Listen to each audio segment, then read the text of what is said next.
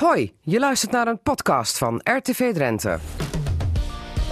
Radio Drenthe. Cassata. Margriet Benak. Het is zaterdag 4 januari 2020, moeten we dan zeggen. Goedemiddag allemaal en natuurlijk ook namens Casata de beste wensen voor het nieuwe jaar. Het is vandaag aflevering 1077 en die gaat over de strijd tegen altijdzorg op het Druigenveld in Rolde. En daarover praat ik met burgemeester Anne-Wietse Hiemstra van AN Hunsen. Het wordt een belangrijk jaar voor Veenhuizen en Frederiksoord. En dus voor directeur Peter Sluiter, want die is de baas over beide musea. 75 jaar vrijheid in Drenthe, wat brengt ons dat allemaal? Het radioforum is er en speciale tafelgast is vandaag Tom de Ket. Want jawel, voor de derde keer komt theaterspektakel Het Pauperparadijs naar Veenhuizen. Radio Drenthe. Cassata. Radio Drenthe. Ja, Stichting Altijd Zorg en Rolde dat op het Ruigenveld zit, dat moet weg. Dat wil althans de gemeente Arnhunsen, want de zorg deugt niet en de situatie is gevaarlijk. En dus doet burgemeester Anne-Wietse Hiemstra er alles aan om een einde te maken aan de situatie. Zo zeg ik het toch goed, hè, Anne-Wietse Hiemstra? Nou, kort door de bocht klopt het. Kort door de bocht. Ja, ik ben altijd eh, van de kort door de bocht, maar dat weet u wel. Eh, eh, daarom ook blij dat de inspectie nu ook zegt dat Altijd Zorg de boel moet overdragen. Ja, kijk, wij wisten eigenlijk al lange tijd zijn er zorgen over de situatie daar. Eh, op 7 november is de controle geweest. De inspectie was daarbij. Er waren ook allerlei andere instanties bij. Eh, toen werd eigenlijk al duidelijk, was, was het duidelijk dat er eigenlijk acuut eh, ingegrepen moest worden. Dat heb ik toen gedaan met een bevel. De inspectie kon dat toen niet, omdat er maar één cliënt was waarvoor zij toen bevoegd waren. Maar ze waren wel blij met onze maatregel toen. Ehm, nou, dat heeft een Ja, dat was een maatregel waarbij ze vervolgens altijd zorg naar de rechter stapte en u vervolgens nat ging. Zeker. Want ik kreeg geen de- gelijk. Ik kreeg geen gelijk omdat eh, de, eh, het, ik ben bevoegd op basis van veiligheid. En het ging over de- wat buiten de instelling gebeurt, daarvoor ben ik bevoegd. En voor het overige eigenlijk niet. Eh, alleen wij hebben gedacht en gedaan. Ja, er is- was op dat moment niemand bevoegd om wat te doen. We vonden de situatie zo schrijnend dat ik gewoon het heb geprobeerd. Dat is wat het ook gebeurd is. Eh, en de rechter heeft uiteindelijk gezegd, dat had u niet mogen doen. U heeft het onvoldoende gemotiveerd. Nou, waarvan akte? Eh, in de tussentijd zijn er wel acht mensen eh, die wij de, zware, ingewikkelde situaties zijn daar weggegaan. De zware gevallen. Ja, zware gevallen, maar ook minderjarige kinderen. Mhm. die zaten er ook, vond ik absoluut onacceptabel. Die zijn inmiddels ook weg. Dus van de 24 zijn er nu nog 16 cliënten over. Eh, en de inspectie is inmiddels eh, erachter gekomen dat er meer indicaties zijn afgegeven. Dus voor de Zorgindicaties. hè? voor de GGZ, voor de reclassering, voor eh, nou, andere indicaties waarvoor de inspectie bevoegd is. Dat was niet duidelijk op 7 november en daarom kan de inspectie nu wel ingrijpen. Ja, en eigenlijk had er per gister de situatie overgedragen moeten worden, maar het is nu zaterdag. Vrijdag is er verder niks gebeurd. Ze zitten er nog. dat- Ja, ik weet niet precies wat de situatie nu is. Eh, de inspectie is nu aan zet. Dus ik ga ervan uit dat de inspectie binnenkort ook gaat kijken en controleren wat er aan de hand is. Eh, dat is nu ook even de rol van de inspectie. Eh, de rol van ons is dat wij al aangeboden hadden om voor iedereen die daar weg wil een vervangende plek te vinden. Dat hadden we ook al aangeboden. Omdat de mensen die daar wonen echt wel zorgbehoevend zijn. Mhm. Nog los van welke zorgindicatie ook. Ze zijn gewoon zorgbehoevend, dat zegt iedereen. Eh, en er zitten een paar mensen die natuurlijk gewoon eh, er wonen en geen zorg eh, hebben. Bijvoorbeeld oude zorgverleners. Maar de situatie moet op die manier in ieder geval eindigen. En ik hoop dat nu ook de stichting zijn knopen telt. en uiteindelijk zorgt voor, voor goede zorg voor de cliënten die daar wonen. Maar ook voor de omgeving. Want u moet zich niet vergissen. De omgeving, ik heb ook met veel buren gesproken van het Ruigenveld. Afgelopen weken, maanden. En die maken zich echt heel veel zorgen. Er zijn mensen in de tuinen geweest. Zie, je- zie alle rare, rare vervoersbewegingen. Eh, mensen die eh, nou, rare dingen doen, zou je kunnen zeggen. Die mensen Mhm. denken van, ja, wat gebeurt daar? Het is in een donker bos, het is verlaten, we lopen daar met onze hond. Dat doen ze niet meer. En dus ook vanuit dat optiek moet er gewoon een einde komen aan deze situatie. Daar lopen de meningen nog wel over uiteen. Gaan we zo meteen verder over praten. Want we gaan het hele dossier altijd zorgen even afpellen. Want grote vraag is, hoe ver heeft het zo kunnen komen? Mhm. En is het wel heel erg terecht dat die mensen daar eh, weg moeten? Want het zijn toch mensen die aan het randje eh, zeg maar, van de samenleving leven... en waar toch zorg voor moet zijn. Zeker. En hoe los je dat dan op? Gaan we zo meteen verder over praten, want eerst even leuke zaken. Eh, u zei net al tegen Tom de Ketter, die je tafelgast is vandaag vanwege voor de derde keer Pauperparadijs in Veenhuizen. Je kunt hier eigenlijk ook wel een, eh, een theaterstuk over schrijven. en toen zei Tom de Ketter, ik heb alles wat over zorg geschreven, toch? Of niet? Ja, dat is met de Verleiders. Dat is een groep waar ik altijd ja, grote maatschappelijke thema's aanpak. Dat is met eh, collega-acteurs, hè? Met collega-acteurs Pierre Bokkema, Leopold Witte en Jos van Ouds. Dat doen we. Elk jaar maken we al wel een, een actueel eh, eh, theaterstuk over een pregnant maatschappelijk thema. En we hebben al een keer een voorstelling gemaakt over de zorg. Nou, Oké. Het ging meer over eigenlijk over de marktwerking in de zorg. Die eigenlijk eh, absoluut averechts werkt. Nou, ik weet niet of dat hier ook mee te maken heeft. Ik Ja. zie u knikken. Ja. Eh, dus eh, ja. Dus, En de locatie is een uitdaging, want het is het Druigenveld en het is een 20 hectare groot terrein. Ja, en ik hoorde net de fantastische zin. Er zijn mensen die rare dingen doen. Nou, dan, dan, dan denk ik dat is geschikt voor theater. Ja, ja, want theater is natuurlijk ook altijd raar Ja, om rare dingen te doen. En wat dan ook raar is, voor de derde keer Pauperparadijs in Veenhuizen. ja, dat is niet raar, maar bijzonder. Ja. Ja, dat is echt fantastisch. Nou ja, eh, Gefeliciteerd trouwens, ja. want ik denk dat het toch een felicitatie het waard is is. absoluut een felicita- felicitatie waard. En ehm, ja, er was enorm veel vraag weer naar de voorstelling. Op, dus het is eigenlijk op veler verzoek. Toen hebben we onderzocht of het mogelijk was. Ehm, en ja, de voorstelling draait natuurlijk bij de gratie van dat heel veel mensen het willen zien. En ja, omdat wij ook voor deze editie eigenlijk eh, weinig subsidiemogelijkheden hebben. Het is een reprise, daar is meestal geen geld voor. eh, moesten we het helemaal op eigen kracht doen. Maar wel met hulp van de gemeente eh, Noorderveld en het gevangenismuseum. en heel bijzonder ook met een initiatief van eh, de lokale ondernemers. Of, of lokale ondernemers, wat zeg ik? Ondernemers, Regionale. eh, eh, regionale uit Drenthe. Ja. Geïnitieerd door Bert Patmos. Dat is de, de grote man achter de brouwerij Maallust. Die ook op dat terrein zit. En die hebben gezegd, nou, wij ondersteunen ook dit initiatief. Die hebben een stichting op- opgericht. Stichting Vrienden van het Pauperparadijs. Vrienden van het Pauwenparadijs.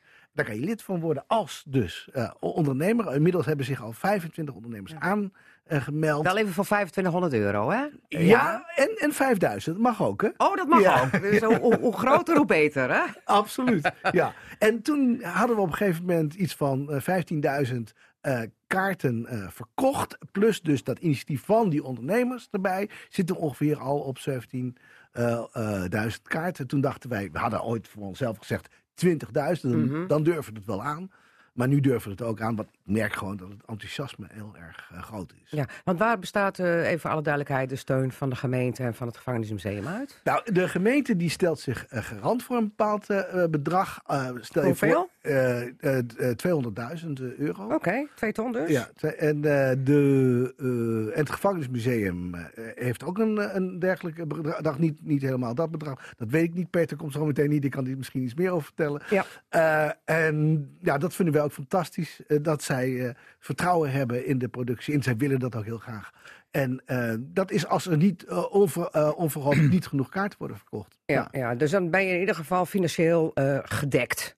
Om het maar even voor, te zeggen, plat voor, gezegd. voor een gedeelte. Het draait wel heel erg op de kaartverkoop. Dus het, we nemen toch ook weer dit jaar een enorm risico met deze. Eh, eh, met, de, ja, met dit initiatief. We zijn een, een relatief kleine stichting. Dus ik hoop ook echt dat dit doortrekt. Want anders Hoe- gaan we hoeveel, kost natuurlijk zoiets? hoeveel kost zoiets, zo'n voorstelling? Ja, dat, dat is een hele goede vraag. En mensen vergissen zich daarin. Ze denken van, nou ja, we, we gaan zomaar even een klein theatervoorstelling daar neerzetten. Maar dit is een enorme onderneming en dat, dat loopt eh, naar de 2 miljoen. Dat is echt een, eh, een, een, een, een behoorlijke investering. En dat zit hem in, nou ja, die eh, gigantische tribunes die daar neer worden gezet. Decors Voor die- duizend mensen, hè? ja, Ja, ja. precies. En eh, die vloer die neer eh, eh, eh, moet worden gezet, maar vooral natuurlijk in de personeelskosten. Ja. Want het is een enorm grote productie. Niet alleen staan er heel veel mensen op het toneel, maar ook achter de schermen. Daar, daar loopt natuurlijk van alles rond. Want logistiek gezien, nou ja, mensen die de voorstelling kennen, ja, is dat natuurlijk een enorm spektakel. En dat moet allemaal gehandeld worden. Ja, hoeveel mensen eh, draaien dan mee in zo'n Nou, productie? Dat, is, dat loopt tegen de honderd, denk Ja, ik. Zoiets. ja, ja, Maar goed, ehm, eh, het is in ieder geval nu definitief vastgesteld dat het kan. ja. Er blijft natuurlijk een groot risico. Ja. Maar dan denk ik wel, eh, voor het derde jaar, met een jaar ertussenuit. Hè, en eigenlijk voor de vierde, nee, zeg ik, dat wordt voor de vierde keer, want Carré heeft het ook gestaan. ja, klopt. Ja. Ehm, is het dan op een gegeven moment dan ook op? Drie keer. Nou, eh, als, als ik dat zou denken, hadden we dit niet gedaan. Ehm, op in de zin van. ehm, het verhaal is verteld. eh, nee, dat is, dat, dat, dat is helemaal niet waar, eh, denk ik. Kijk, ik sta op het standpunt. ehm, dat we hebben met het Papenparadijs een hele bijzondere voorstelling neergezet over een hele ja, belangwekkende geschiedenis, een verborgen geschiedenis, die eigenlijk heel weinig mensen kennen. Nu steeds meer, maar nog steeds is het een ongelooflijk belangwekkend verhaal wat verteld moet worden. Uh, kijk, je ziet aan een productie als bijvoorbeeld Soldaat van Oranje, die dat natuurlijk ook in zich heeft, dat uh, daar voor dat soort bijzondere verhalen heel veel publiek is. Mensen willen. Ja, maar hoeveel jaar draait dat al ja, niet? Bijna tien jaar. Ja. Dat is natuurlijk ongelooflijk.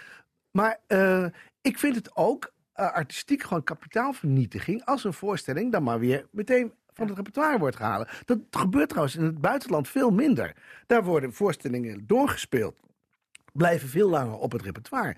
Die traditie hebben wij heel weinig in Nederland. Vind ik eigenlijk heel jammer. En ik vind het ook kapitaalvernietiging. Ja. Dus ik denk, en dat hebben we natuurlijk ook onderzocht met allerlei uh, onderzoeken. Ja, dat er nog heel veel mensen uh, uh, hebben aangegeven deze voorstelling heel graag te willen zien. Bovendien, het is natuurlijk niet zomaar een voorstelling. Het is een, het is een belevenis. Ja. ook al de, de weg ernaartoe, naar dat idiote, intimiderende dorp zou je kunnen zeggen de plaats waar wij de, de voorstelling spelen is ook uh, uh, de plek waar het allemaal heeft plaatsgevonden. Zoals uh, de kunstenaar Armando zei, we spelen de voorstelling op schuldige grond. Nou, dat is allemaal ongelooflijk bijzonder. Ja. En dat blijkt ook. De mensen die van die tribune af, afkomen, die zijn altijd ten diepste toe geroerd. En denken van, ja, dit is onze geschiedenis. Hier komen wij vandaan. Sterker nog, hier komen mijn grootouders vandaan. Ja, ja want heel veel uh, uh, mensen hebben de historie, zo blijkt achteraf, liggen in Veenhuizen. Ja, absoluut. Of in Frederiksoord. Absoluut. Daar absoluut. waar generaal Van den Bos destijds zijn maatschappij van weldadigheid stichtte. Precies, Wij komen ja. er zo meteen uitgebreid over te praten. In ieder geval heeft Anne Wietse Hiemstal opgebiecht. Nog niet geweest. Klopt, wij zouden, wij zouden gaan. Ja, is- ja, wij Ja, zouden. ja, maar dit, dit jaar gaan we, dat heb ik al gezegd. Ja, ja, Ja. eh, Tom de Ket houdt het in de gaten als de burgemeester van Ik- Aarden. ik kom persoonlijk We melden. pakken zo meteen de laptop erbij. We gaan naar de website en ik ga hem. En dan ga Met de vinger tegen- op de Ja, knop. precies. ja. Boeken. Goed, ehm, want even van Veenhuizen naar eh, het Ruigeveld. Ehm, je zou kunnen zeggen, misschien is het een kleine sprong, maar het is toch eigenlijk een hele grote sprong. Want met alle, eh, alles wat er gebeurd is, kun je eh, misschien wel spreken van een soort theater, spektakel, een soap, zei u zelf al. Nou bent u zelf burgemeester van eh Aanhunsen sinds september. Toen bent u geïnstalleerd. En Stichting Altijd Zorg zit op eh, sinds april. Wat is daar misgegaan? Ehm, Heeft nou, de gemeente destijds iets gemist of Nee, zo? nee, nee. En, ah, kijk, het is een vrij beroep. Dus we hadden het net, het ging net over de marktwerking in de zorg. Dus Ja. iedereen mag een zorgbedrijf oprichten. Dat is hier gebeurd. Eh, eh, op het Ruigeveld ligt een bepaalde bestemming. Dus daar mag ook gewoon maatschappelijke eh, activiteiten mogen daar En plaatsvinden. is dus al de decennia lang is daar sprake Dus van zorg stichting- en wonen. Dus de stichting mocht zich daar gewoon vestigen. Had geen toestemming nodig van de gemeente. Heeft dat ook gedaan. Eh, wat- Daar zegt u iets. Had geen toestemming nodig, Nodig van, de gemeente. Nee, want hè, als je gewoon past bij het bestemmingsplan, je hoeft, eh, het is een vrij beroep. Iedereen mag een zorginstelling beginnen eh, en dat kan. Dat mag ook op het Ruigeveld. Ja, mijn bestemmingsplan het werd gaat dan uit toen- van wonen en Nee, zorg. daar gaat het niet vandaan. Oh, nee. Het, het werd dus anders toen we ineens allerlei inschrijvingen kregen in onze bevolkingsadministratie. Want Oh. dat liep op in de loop van de tijd. Met Nou, adres Ruigeveld. eh, ja, Assenstraat is het Ja, dan. Assenstraat, Eh, sorry. eh, daar, daar zit het. Toen ging er een belletje rinkelen. Zeggen ja, wat raar, want daar horen geen mensen te wonen. Mogen ook geen mensen wonen, met uitzondering van een aantal anti-kraak die er wel mochten wonen, Mhm. die inmiddels ook wel weg zijn. Want het terrein, even voor alle duidelijkheid, is sinds anderhalf jaar in bezit van Green DNA. Klopt, een eigenaar uit Apeldoorn, geloof ik. Ja, die daar een zorglandgoed ooit wil gaan stichten. Ja, eh, en daar zitten nu, eh, het, het wordt voor een deel gehuurd door Van Boeien, die zit daar. Het wordt voor een deel ge- gehuurd door eh, een kleine school, die Mhm. zit daar. En het wordt gehuurd voor een deel door Altijd Zorg. Ja. Ik geloof 800 vierkante meter van Ja. de 6000 in totaal. Ja. Maar goed, er wa- kwamen dus veel inschrijvingen dat mensen daar gingen wonen. Nou, toen gingen dus belletjes rinkelen. Het is ge- gesproken met de stichting van, nou, wat bent u van plan? Wat voor type zorginstelling wilt u gaan zijn? Eh, nou, dat werd heel erg onduidelijk. Dat bleef ook heel erg onduidelijk. De ene keer werd dit gezegd, de andere keer wordt, wordt dat gezegd. Blijkt ook uit de, de inspectierapporten, ook daarin staat dat.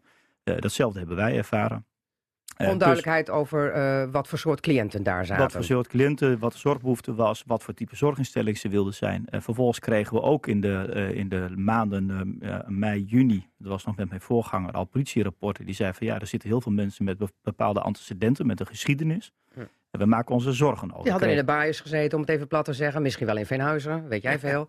Eh, ja, klopt. Eh, en eh, nou, er kwamen ook al meldingen van buiten. eh, eh, ingewikkelde eh, eh, doelgroep. Eh, en er waren zo- eh, zorgen omtrent de zorg. Nou, eh, dat was dan mijn voorganger, heeft het ook in zijn overdracht ook aan mij gezegd. Van ik maak me over één ding zorgen aan, aan Hunsen, dat is dat. En daar moet je eh, alert op zijn, daar moet je eh, achteraan. Dat is ook wat we gedaan hebben. Daarom is uiteindelijk ook een eh, controledag gepland op 7 november. Mhm. Om te kijken van wie woont daar nu? Wat voor zorgvraag zit daar? Ehm, wat is de brandveiligheidssituatie? Wat is nou allemaal dat soort dingen? Dat hebben we op 7 november gedaan. Er waren ook een aantal scenario's waar rekening mee gehouden werd. Het zou kunnen zijn geweest dat alles gewoon goed was. Het kon zijn dat er iets aan de hand was, maar reparabel.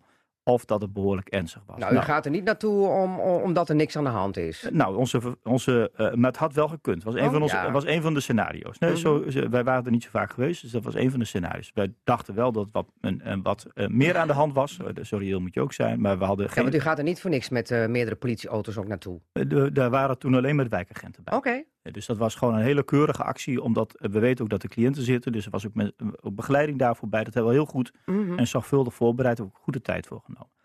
De situatie die er aangetroffen werd, was zorgwekkend. Van alle kanten. Eh, over eh, eh, cliënten die ook eh, zorgbegeleiders bleek te zijn.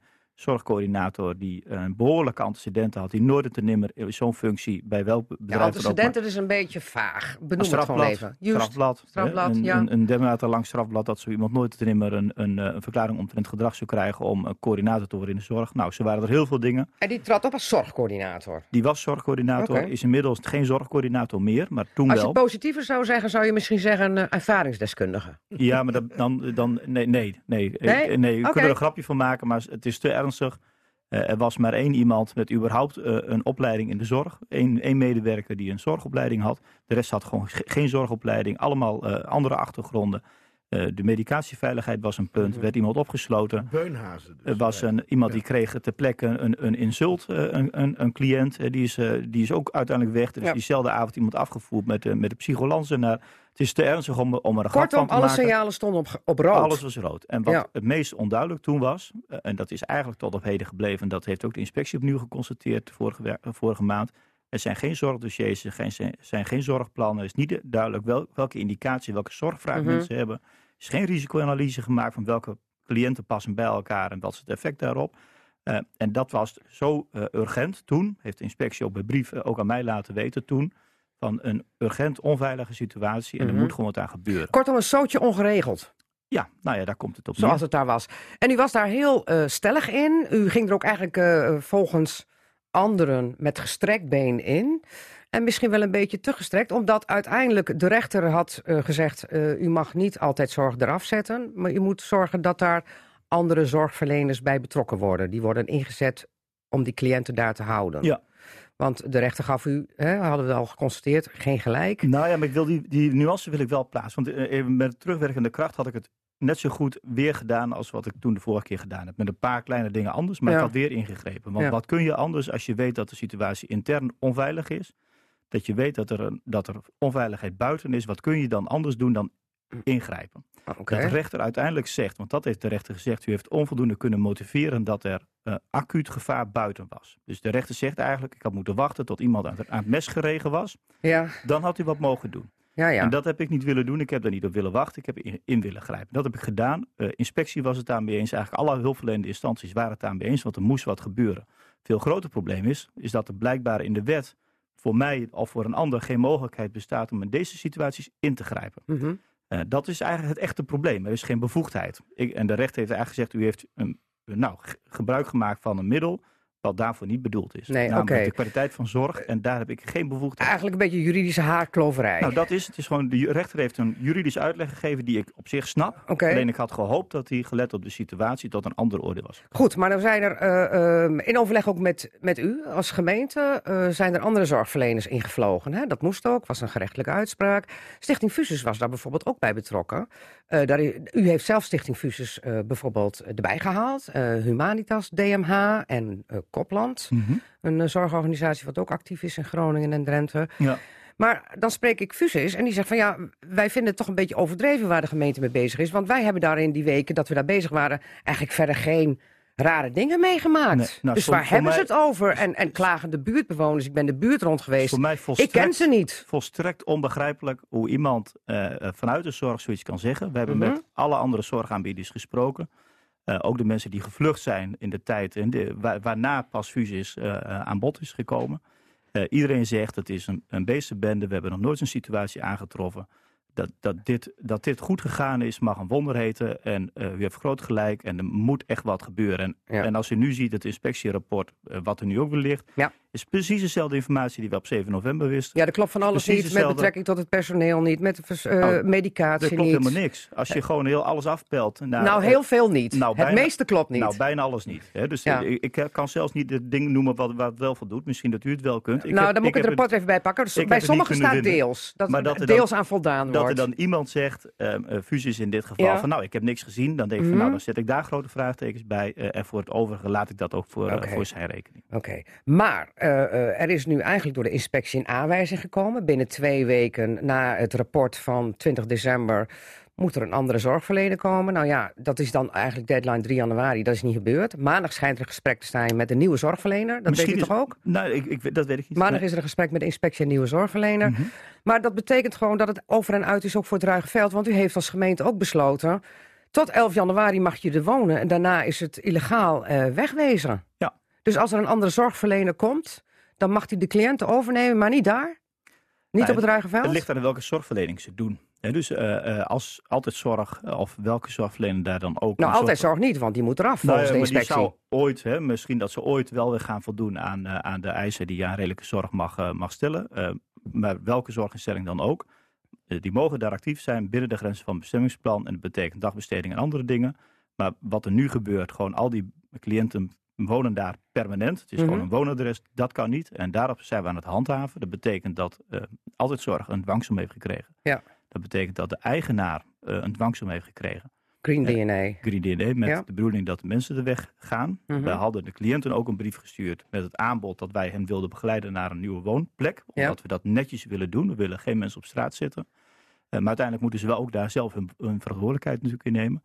Ja, en het is voor mij nu even afwachten. Eh, ik weet inderdaad dat er maandag een, eh, een gesprek is. Eh, wat, wat nu de situatie op dit moment op Draagveld is. Nou, met de weet ik niet. kandidaat overnemer. Ja, dat, dat heb ik begrepen. Ja. Maar daar sta ik dan ook even buiten. Voor ons is nu van Maar is belang- dat niet gek? Want u staat daar dan buiten, terwijl u wel aangegeven heeft van... jullie moeten wel van terrein af. Dan is het toch Zeker, eigenlijk dat handig dat u dan ook gelijk aan tafel zit? Oh ja, nee, maar het zijn, het zijn twee dingen. De inspectie heeft nu ingegrepen op basis van hun bevoegdheid, hun maatregel. Ja, op basis van de zorg, Op basis die niet van de zorg. Nee, de, de rechter heeft ten aanzien van mijn bevel toen gezegd van nou, er staan ook andere mogelijkheden tot handhaving open gemeente. Gaat u, gaat u die eerst maar inzetten? Mhm. Dat zijn we gaan doen, namelijk op het spoor van wonen. Er mag niet gewoond worden, Ja. dus we leggen een dwangsom op.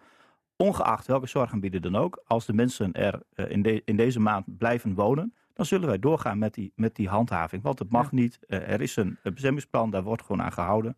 En dus moeten de mensen daar die er wonen uiteindelijk Hm. weg. Maar wordt dat niet een hele juridische strijd? Want ik heb zelf Green DNA gesproken en die was toch wel een beetje perplex over eh, eh, dat de gemeente zei van je mag er niet wonen. Want het is al decennia lang zo dat daar op het Ruigenveld gewoond wordt met Nee, zorg. Dat is niet zo. Eh, want wat er geweldig... Ja, er zat er ook nog met eh, Ja, opvang maar- van vluchtelingen voor eh, mensen die van mens, mensenhandel slachtoffer waren. Ik weet het, ik weet het. Ik, ik ken de geschiedenis. Ik ken de geschiedenis inmiddels. Ik heb ook met de eigenaar gesproken. Ehm, de eigenaar die snapt ook dat dit wat er nu gebeurt niet kan. Er zal een juridische procedure gaan volgen. On, on- ongetwijfeld. Nou, waarvan akte. Maar waarom kan Want het wij- wonen nu niet, Nou, terwijl het vroeger wel kon? Dat kon vroeger ook niet. Want jaren heeft er gezeten de... Ja, de Die woonden er, hè? ik, ik weet het. Ja. De, de psychiatrische kinderinstelling heeft Ambiek gezeten. heeft er gezeten, ook gewoond. Nou, maar die verbleven daar. En dat gaat over de definitie. Maar ik ga graag de discussie met u aan. Want het gaat over de definitie van wonen. Die mensen verbleven daar gemiddeld eh, hooguit 70 dagen. Inmiddels, die kinderen die verblij- Als je verblijven... 70 dagen verblijft, woon je er je niet. Nee, het gaat over het permanent wonen. Hetzelfde met een recreatiewoning. Ja. U mag twee maanden in een recreatiewoning verblijven. Ja, Maar u heeft uw woonadres elders. oké. Wat hier de situatie is, dat die mensen permanent wonen op deze plek en ook niet de intentie hebben om te vertrekken. Hm.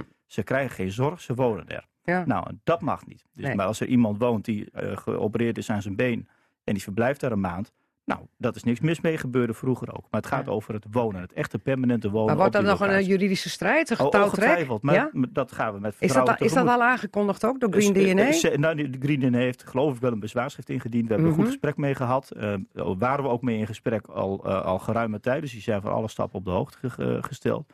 Zij hebben zelf ook de mogelijkheid natuurlijk om het huurcontract te, te ontbinden. Mhm. Eh, dat is hun eh, bevoegdheid. En dat heeft u ze ook ernstig aangeraden? Nee, we hebben ze aangeraden om een einde te maken aan de overtreding. Ja. En hoe ze dat doen, eh, daar staan wij buiten. En Oké. het andere hebben we tegen de Stichting Altijd Zorg gezegd... als u niet stopt met deze manier van zorg aanbieden en wonen... Ja. dan moet u een dwangsom betalen eh, tot een bedrag van maximaal geloof ik een ton. Hoe loopt dit af? Is het eh, na volgende week vrijdag, want dan is de deadline verstreken, ook qua wonen? Is het over en uit op Draagveld met altijd zorg sowieso? Nee, en wat u betreft hunzelf. komt het nooit terug? Ik, ik hoop dat de Altijd Zorg met de huidige bedrijfsvoering eh, heel snel eh, eindig is. Eh, en ik gun de mensen het beste, daar gaat het niet om. Eh, de situatie is illegaal eh, qua wonen, is niet goed qua zorg. Eh, daar ligt van buiten, mij de prioriteit. Belang van de cliënten, hè, want Ja. die voorop. Eh, ik begrijp heel goed dat de cliënten het liefst hadden willen blijven wonen op deze manier. Begrijp ik heel goed. Ja, die waren heel blij met altijd zorg. Die waren heel blij. Die voelden maar- zich er eindelijk thuis. Zeker, maar dat eh, kun je ook wat. eh, Het kan ook als je ziet van wat er allemaal aan de hand is qua zorg. Mhm. Kun je ook afvragen of dat dan ook een goede zorginstelling is. En dat het ook echt is wat die mensen nodig zijn. Even tot slot, hoeveel eh, van deze kwestie heeft te maken met centen waar de gemeente aan hun ze niet voor op wil draaien? Want als deze mensen wel een zorgindicatie krijgen, dan komt het op kosten van de gemeenterekening. Het heeft 0,0 daarmee te maken. Echt niet? Anders hadden we niet ingegrepen, want het heeft ons nu al heel veel geld gekost. Eh, dat alleen al. Eh, de indicaties die nu afgegeven zijn, die ook bekend zijn, zijn allemaal niet, eh, komen niet voor rekening van de gemeente. Zo zwaar zijn die indicaties die afgegeven Ja. worden. Geld heeft hierin geen rol gespeeld. Oké. 0,0. Eh, wij gaan afwachten hoe dit afloopt met altijdzorg. En of het uiteindelijk geen altijdzorg meer blijft, maar geen zorg of zorg in andere handen. Anneliese Hiemstra, succes met uw strijd tegen altijdzorg. Radio Drenthe. Cassata. Margriet Benak. 2020 moeten we zeggen, dat heb ik geleerd eh, het afgelopen jaar. Geen 2020, maar eh 2020, 20. Dat wordt een belangrijk jaar voor Veenhuizen en voor Frederiksoord. Want die felbegeerde werelderfgoedstatus van UNESCO, die komt er eindelijk aan. Als alles goed gaat, want we hoopten al een keer eerder dat die zou komen. Dus breken er spannende maar mooie tijden aan voor het gevangenismuseum in Veenhuizen. En voor museum De Proefkolonie in Frederiksoord. En laat nu beide musea dezelfde directeur hebben, namelijk Peter Sluiter. Gewoon met twee benen in twee eh, mooie musea. Ja, In twee eh, spannende dorpen. absoluut. Ik, eh, ik verveel me geen moment en ik heb het reuze naar mijn zin. En het wordt een mooi jaar met die UNESCO-status, of niet? Daar gaat, eh, daar gaat iedereen vanuit. Iedereen die ik spreek is daar heel erg optimistisch over. Er is natuurlijk wel een, een aderlating geweest doordat eh, niet alle zeven koloniën nu meer eh, in de race zijn. Maar vier. Maar Ja, we zitten in Drenthe er nog volop precies, in. ja, in Drenthe gaat het nog helemaal goed. Ja. Dus nee, iedereen is er heel optimistisch over en, en ik zeker ook. En daar verwacht u voor de beide musea veel hel van? Nou, weet je, het, het- ik zeg het altijd zo. Als je zelf ergens op vakantie gaat en je komt in je vakantieappartement, dan, is, hè, dan pak je je koffer een beetje uit. En een van de eerste dingen die je doet, als je met je kopje koffie op je terras gaat zitten, is die map doorkijken die altijd in zo'n appartement ligt. Met foldertjes en flyertjes. Wat is hier in de buurt te doen? En als daar iets tussen zit waarop staat, het is UNESCO Werelderfgoed, dan denk je in ieder geval, kijk, daar moet ik heen. Want de kwaliteit is gegarandeerd goed, anders was het geen UNESCO Werelderfgoed. Dus ik denk dat het gewoon op die manier Hm. werkt. En daar gaan we zeker in beide plekken, Veenhuizen en Frederiksoord, voordeel van hebben. Ja, het is nog even de vraag of dat definitief in het foldertje komt te staan. Want eh, we moeten niet te vroeg juichen, hè? want we hebben al een keer eerder eh, vroeg gejuicht. En toen ging het niet door. Wat er in ieder geval in het foldertje wel te vinden is, straks, is voor de derde keer het Pauperparadijs. Ja, Ja, nee, daar ben ik Op de eh, binnenplaats van het. Ik, gevangenismuseum. Ik ben heel blij dat de knoop is doorgehakt eh, door de stichting Pauperparadijs. Eh de voorbereiding loopt natuurlijk al wat langer. We zijn met de stichting en met de gemeente Noorderveld al, eh, al maanden in overleg geweest om te kijken, durven we het met elkaar aan? Wil iedereen het echt? Eh, want de stichting eh Pauperparadijs moet het eerst willen. Nou, dan is het nog wel een beetje van belang of het gevangenismuseum het ook leuk vindt. Maar ook niet onbelangrijk, de gemeente Noorderveld, want die moet alle vergunningen verstrekken. Ja, ja. Maar ja, burgemeester Klaas Smit die liep al voor de troepen uit. En die riep al tegen mij toen er sprake was van een derde keer Pauperparadijs. Nou ja, er zijn zoveel mensen die altijd tegen mij zeggen... ik ben nog niet geweest, dus dat moet gewoon lukken. Ja, de burgemeester is enthousiast. Ja? En dat is heel eh, enthousiasmerend, moet ik zeggen. Ja. Ja, want die riep ook al van... Nou, ik zeg maar, als het nou, nou toch niet lukt, die 20.000 kaarten... Nou, dan kijken wij nog wel even of we nog een steuntje kunnen geven. En dat blijkt dus met die 2 ton steun of garantie. Ja, Garantie. garantie, eh, ja, absoluut. Daar ben ik heel erg blij mee. Want dat, eh, en en ik, ik, ik ga ervan uit dat, dat dat niet aangesproken wordt natuurlijk. Maar het is wel voor ons een, een steun in de rug. Om Ja. zeggen, ja, en ook eh, een blijk van vertrouwen van de gemeente. Ja, want en dat is, vind, ik, eh, vind, ik heel, vind ik heel mooi gebaar. we hadden het Ja. net al over gehad dat het een, eh, toch wel een project is van eh 2 miljoen euro. En dat hoes je zomaar niet even uit de kas van Stichting Pauperparadijs op. Nee, nee, nee. nee. Dat is, het, het wordt gedragen door het publiek. En dat is trouwens met al, al, al onze producties zo. Om, de schaal is zo groot. Dat, dat, kan, je, dat kan je niet subsidiëren. Eh, Geen enkele. eh, eh, Maar het, het helpt dan wel als het een eerste keer is dat je dan eh 2,5 ton bijvoorbeeld van de provincie Drenthe krijgt. En die Ja, hebben jullie nu niet. natuurlijk. Daar, daar zijn we ontzettend dankbaar voor geweest. Dat, is, eh, Dat was de eerste eerste jaar keer hebben we alleen, daar een ontwikkelingssubsidie voor gehad. En dat heb je dan ook echt nodig. Ja. hè, want naast dat zo'n voorstelling, als die eenmaal loopt, dan heb je gewoon de, Hmm. de lopende kosten. Maar daarvoor is er een hele grote periode waar je zo'n voorstelling moet ontwikkelen. Ja. En dan moet je dat schrijven, dan moet gecomponeerd worden, er moet De ontworpen worden. productiekosten, zeg maar. Precies, en, en ja, dat, dat verdien je niet maar zomaar terug. Daarom hebben die hele grote producties, zoals bijvoorbeeld eh, Stage doet hè, van de Ende en zo, hebben een hele lange tijd om het terug te verdienen. Hm. Maar ja, wij hebben natuurlijk één zomer maar. Dus dat, dan Ja. moet het wel goed gaan. Ja. Maar eh, als je dan kijkt naar eh, hoe Pauperparadijs daar neergezet wordt en hoe groot die crew is, hoe lang van tevoren zijn jullie hier allemaal bezig gaan? Want ik weet uit Veenhuizen dat ze eigenlijk geprobeerd hebben het stuk vorig jaar al weer terug te krijgen in Ja. Veenhuizen. Ja, ja, En dat ja. wilden jullie zelf toch eigenlijk ook, hè? We hebben een afweging gemaakt. Eh, eh, eh, wij, wij hebben een Want het was weer mooi aangesloten. Nou, dan weer terug van Carré hup, naar Veenhuizen. Ja, ja, nou ja, het, ik, ik, we hadden, ook een ander plan, dat is ook mammoeten. Het, Ja.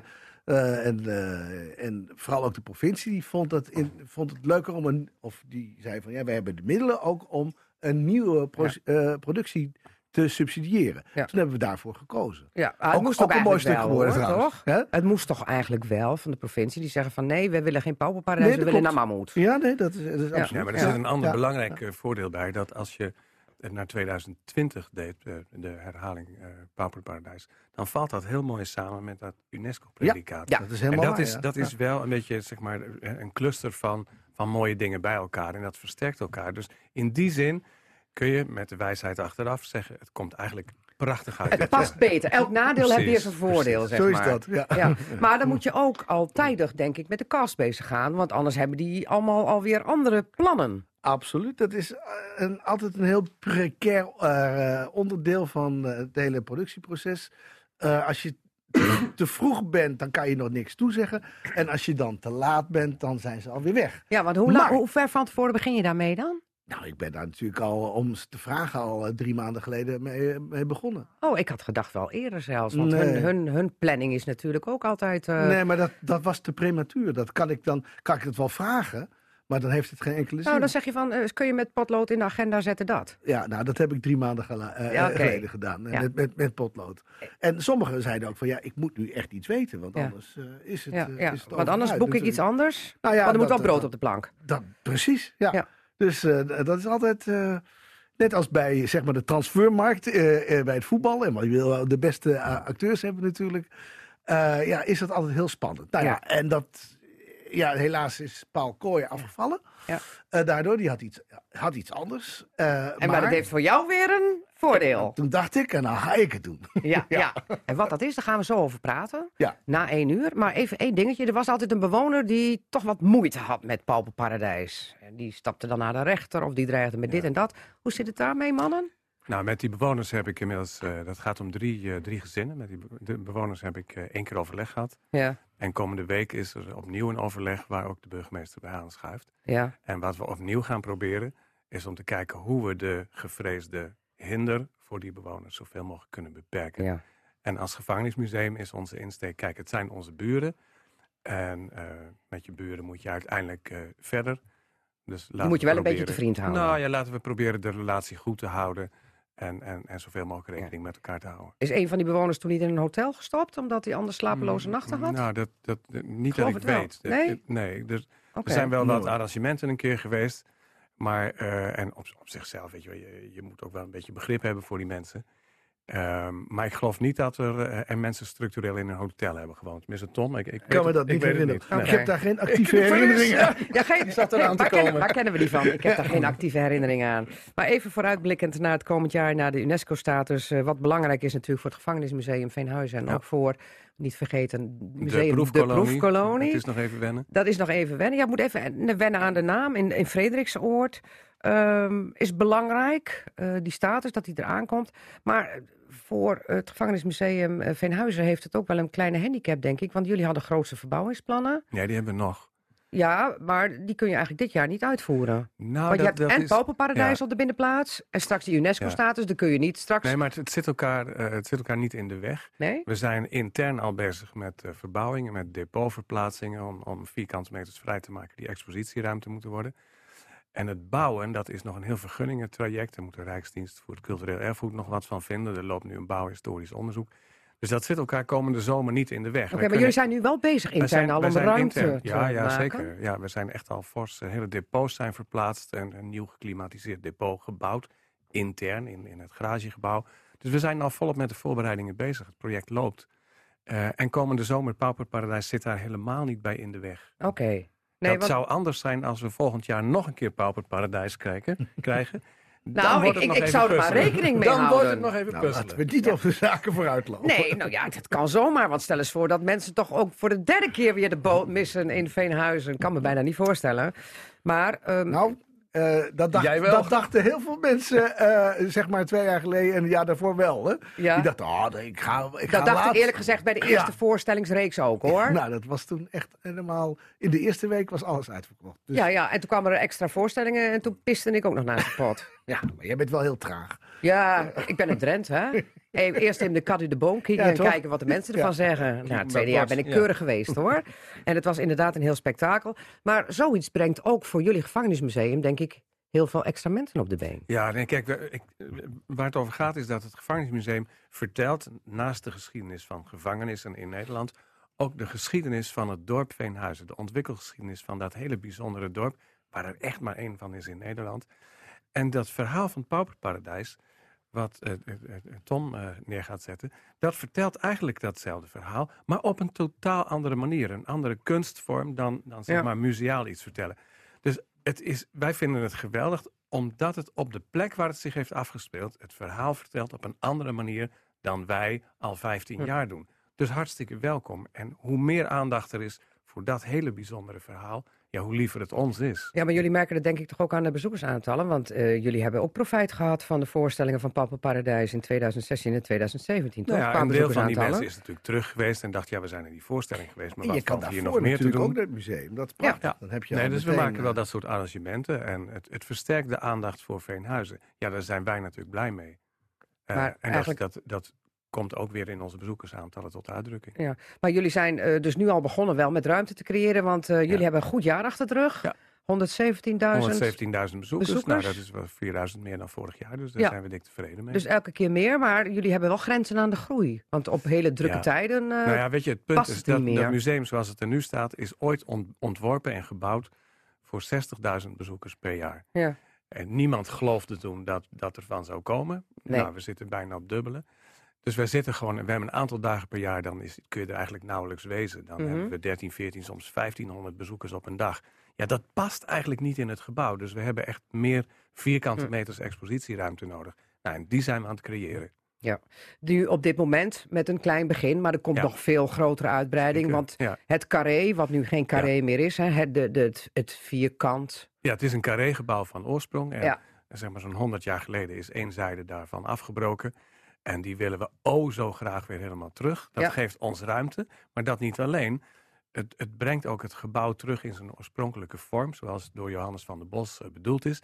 En de beleving op de binnenplaats wordt er dus ook een Ja. hele andere van. Want dat, dat idee van, van buiten zijn, maar ook weer opgesloten zitten. Dat versterk je door aan vierkanten Hm. die, die eh, gebouwgevels te hebben. Ja, ja, maar er komt ook eh, op het middenterrein iets, toch? Daar zijn we ook eh, mee bezig, want uit bouwhistorisch onderzoek is gebleken dat op dat middenterrein, precies in het midden, dus op de kruising van de diagonale, om het maar wiskundig te zeggen, daar heeft ook een gebouw gestaan. En waarschijnlijk is dat een, een, een keuken-annex wasvoorziening Ja. geweest. Ja. Ehm, Dat heb ik nog op dat- oude documentatie gezien, ja. Precies, en dat, dat willen we eigenlijk ook weer terug. En dat wordt dan eigenlijk het centrale entreegebouw. Dus dat je, dat je daar de, de, de kassa, de toiletten, de garderobe... Maar dat is dan op het binnenterrein. Ja, precies, middenop. Dat is een rare plek als entreegebouw, toch? Nee, dat is, dat is eh, goed te regelen. Want eh, dat betekent dat je door de poort naar binnen gaat. En je gaat dan eerst naar het centrale gebouw. Naar en van hart? daaruit zwerm je uit over de diverse tentoonstellingen. Maar als ik dat zo visualiseer, moet ik me dan voorstellen... daar waar de grote tribune staat met Pauperparadijs... dat daar straks een gebouw staat? Nou, eh, niet waar de tribune staat, maar, maar Ja. iets... Ja. ja. Ja, maar laten we maar zeggen, laten we voor dit jaar blij zijn dat dat gebouw er op het middenplein nog niet van- staat, want het zou ton in de weg staan. Ja, maar stel eens voor dat er dan toch nog zoveel enthousiasme is voor de Ja. vierde keer. Dan staat daar straks ineens een gebouw. Ja, dan, Of, of ooit komt er iets anders met een mooie Nou, dan voorstelling gaan, in. gaan we weer kijken hoe we het oplossen. Kijk, dat binnenterrein is waanzinnig groot. Dat is 140 bij 140 meter. Er blijft echt genoeg ruimte over om eh, nog wat meer mee te doen dan alleen maar een klein tafeltje om te klaverjassen. En in hoeverre denkt Peter Sluiter dan als directeur ook van Museum de Proefkolonie heel stiekem van... goh, had ik maar in Frederiksoord zo'n mooie grote trekker. Nee, dat, Want dat in de is, proefkolonie is het toch wat achtergebleven. Ook al zijn jullie in mei opengegaan, Ja. hè, geruisloos, in oktober groot. Het is toch niet de 20.000 geworden waar jullie op hadden gehoopt? Nee, dat is waar. Er blijft iets achter.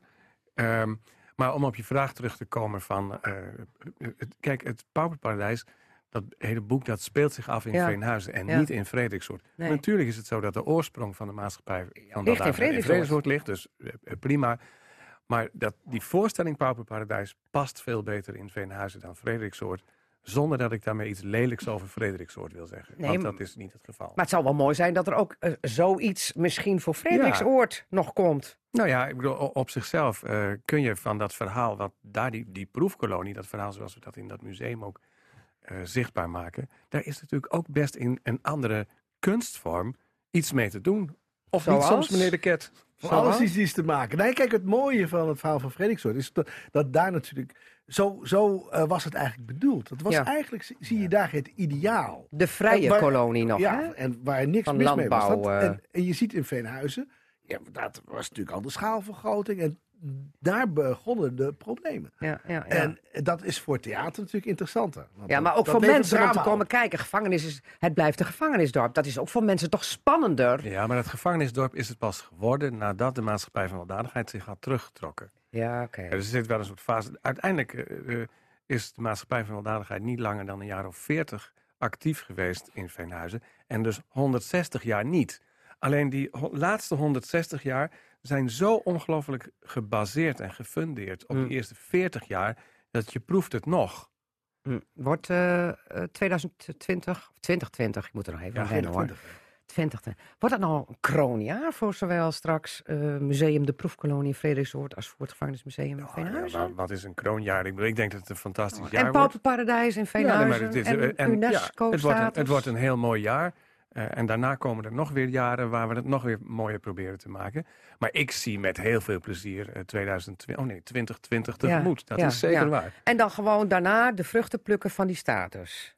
Houdt, houdt Peter Sluiter er nog een beetje rekening mee dat het misschien toch weer niet lukt? Nee, daar hou ik geen Nee? rekening mee. Nee, eerlijk niet. Nee. Nee. Nee. Het is nou echt, nou komt hij er. Ja, ja ik, ik ben er nu echt van overtuigd dat het goed gaat. En waar ik normaal gesproken wel altijd enig voorbehoud en reserve inbouw, doe ik dat op dit punt dit jaar Dat zeker is inderdaad niet. wel bijzonder voor Peter. Want Ja, normaal is hij wel voorzichtig. aan de voorzichtige kant. Wat is de datum? Want dan, dan als dan... Volgens mij is het de eerste week van juli. Ja, ja, En dat wordt in China bekendgemaakt. ja. Echt waar? Ja. En, en als dan ook theaterspektakel dan speelt Nee, maar dan op die speelt het- dan- avond... dat- Dan, precies, houden we, ja. dan houden we op die avond de Chinese avond. Dat lijkt me een goed plan. En, da- en Het dan ook, ja, en, en dan ook in het Chinees Pauperparadijs. Dat lijkt me nog een hele Ik denk dat de, ver- dat de verteller daar geen enkele moeite mee heeft. Geen enkele moeite. Nee, nee. Ja. Maar goed, ehm, eh, eh, ik begrijp dat u ernaar uitkijkt dat dat uh, Pauperparadijs daar weer op die binnenplaats Ja, staat. dat is echt, dat is, eh, hè, het is voor onze mensen hard werken, want wij, wij hebben er ook eh, een hoop, eh, hoop werk van. Maar het, het is zo mooi en het voegt zoveel toe. En je kunt zo goed dat verhaal van Veenhuizen en van eh, de kolonie van weldadigheid over het voetlicht brengen. Ja, weet je, daar leven we voor. Dat is ons bestaansrecht. Goed, wij gaan eh, afwachten eh, wat voor prachtig jaar dat gaat worden voor u als directeur van de Museum de Proefkolonie in Frederiksoord. Ga er vooral kijken, want het is eh, gloedje nieuw eigenlijk nog. En eh, voor Gevangenismuseum in eh, Veenhuizen. Peter Sluiter, dank dat je er was. Graag en blijf luisteren zometeen naar het vervolg van Casata.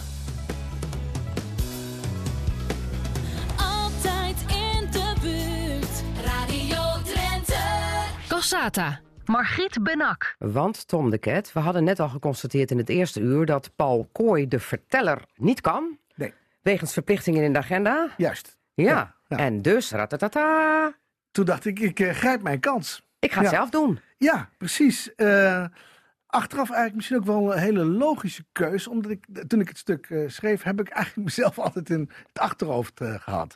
Als, eh, ja, zeg maar, iemand die ook deze geschiedenis kon spiegelen aan deze tijd. Mhm. Want dat is natuurlijk een van eh, de pijlers van het stuk. Het is natuurlijk eh, een stuk over een, eh, ja, echt een, eh, een zwarte bladzijde uit onze geschiedenis, maar ook een verborgen geschiedenis. Maar wat ik altijd met al mijn stukken wil, is eh, wat heeft dat te maken met eh, hoe wij nu in de maatschappij staan? Het moralistische toch nog even. Jazeker, eh, Ja. maar theater is altijd moralistisch. Ja, de moraal van het verhaal. Mensen, wat steken we ervan op? Wat zijn de lessen uit het verleden voor het heden? Precies, en, en wat voor lessen willen we maar niet leren vooral. Daar Ja. gaat eh, het Pauperparadijs voor mij ook erg over. Dus dat is mijn stijl ook een beetje. Dus ik kan dat denk ik ook, ja, als ik dat zelf, ik heb het zelf geschreven natuurlijk, maar ik kan het denk ik ook dan goed verwoorden. Ja, wat is naar je eigen... Ja, op, op zijn Drenthe het is naar je eigen bek gezet, Zo zeg maar. dat, ja. Zoiets, ja.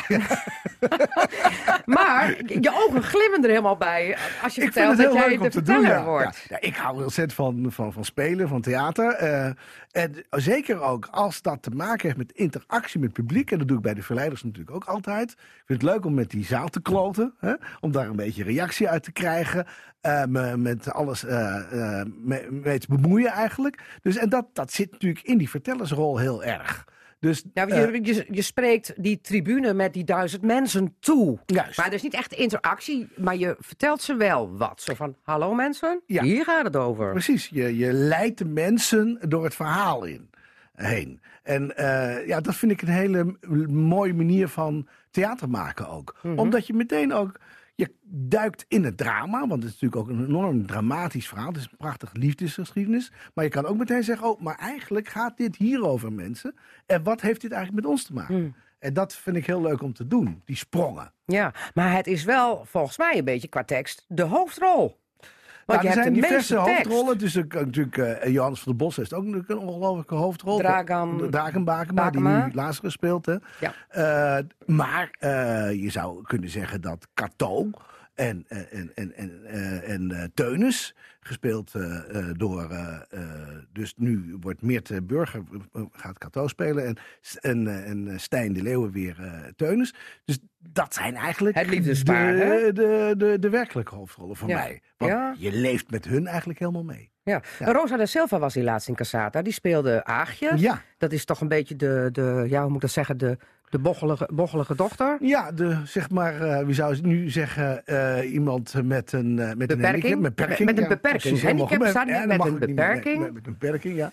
Ja, Ja, precies. die ja. kon helaas ook niet meedoen, want die heeft het te druk met haar eigen programma. want die wil een een avond, ja, Ja, ja. avondvullend theaterprogramma doen. En ze Ja. daar, daar heb ik gewoon alle energie voor Ja, nodig. begrijp ik, ja. En dat is toch Maar wel gelukkig hebben heel veel mensen deze rol gespeeld, dus Ja. ik, ik kon kiezen. Ja, ja, keuze te over. Ja, Ja, en ehm, eh, nou zag ik een filmpje bij ons op de website over eh, dat jij naar eh Dragan Bakema gaat met Ja. het pak. En past hij dat nog wel? Ja, Ja. want hij is afgevallen.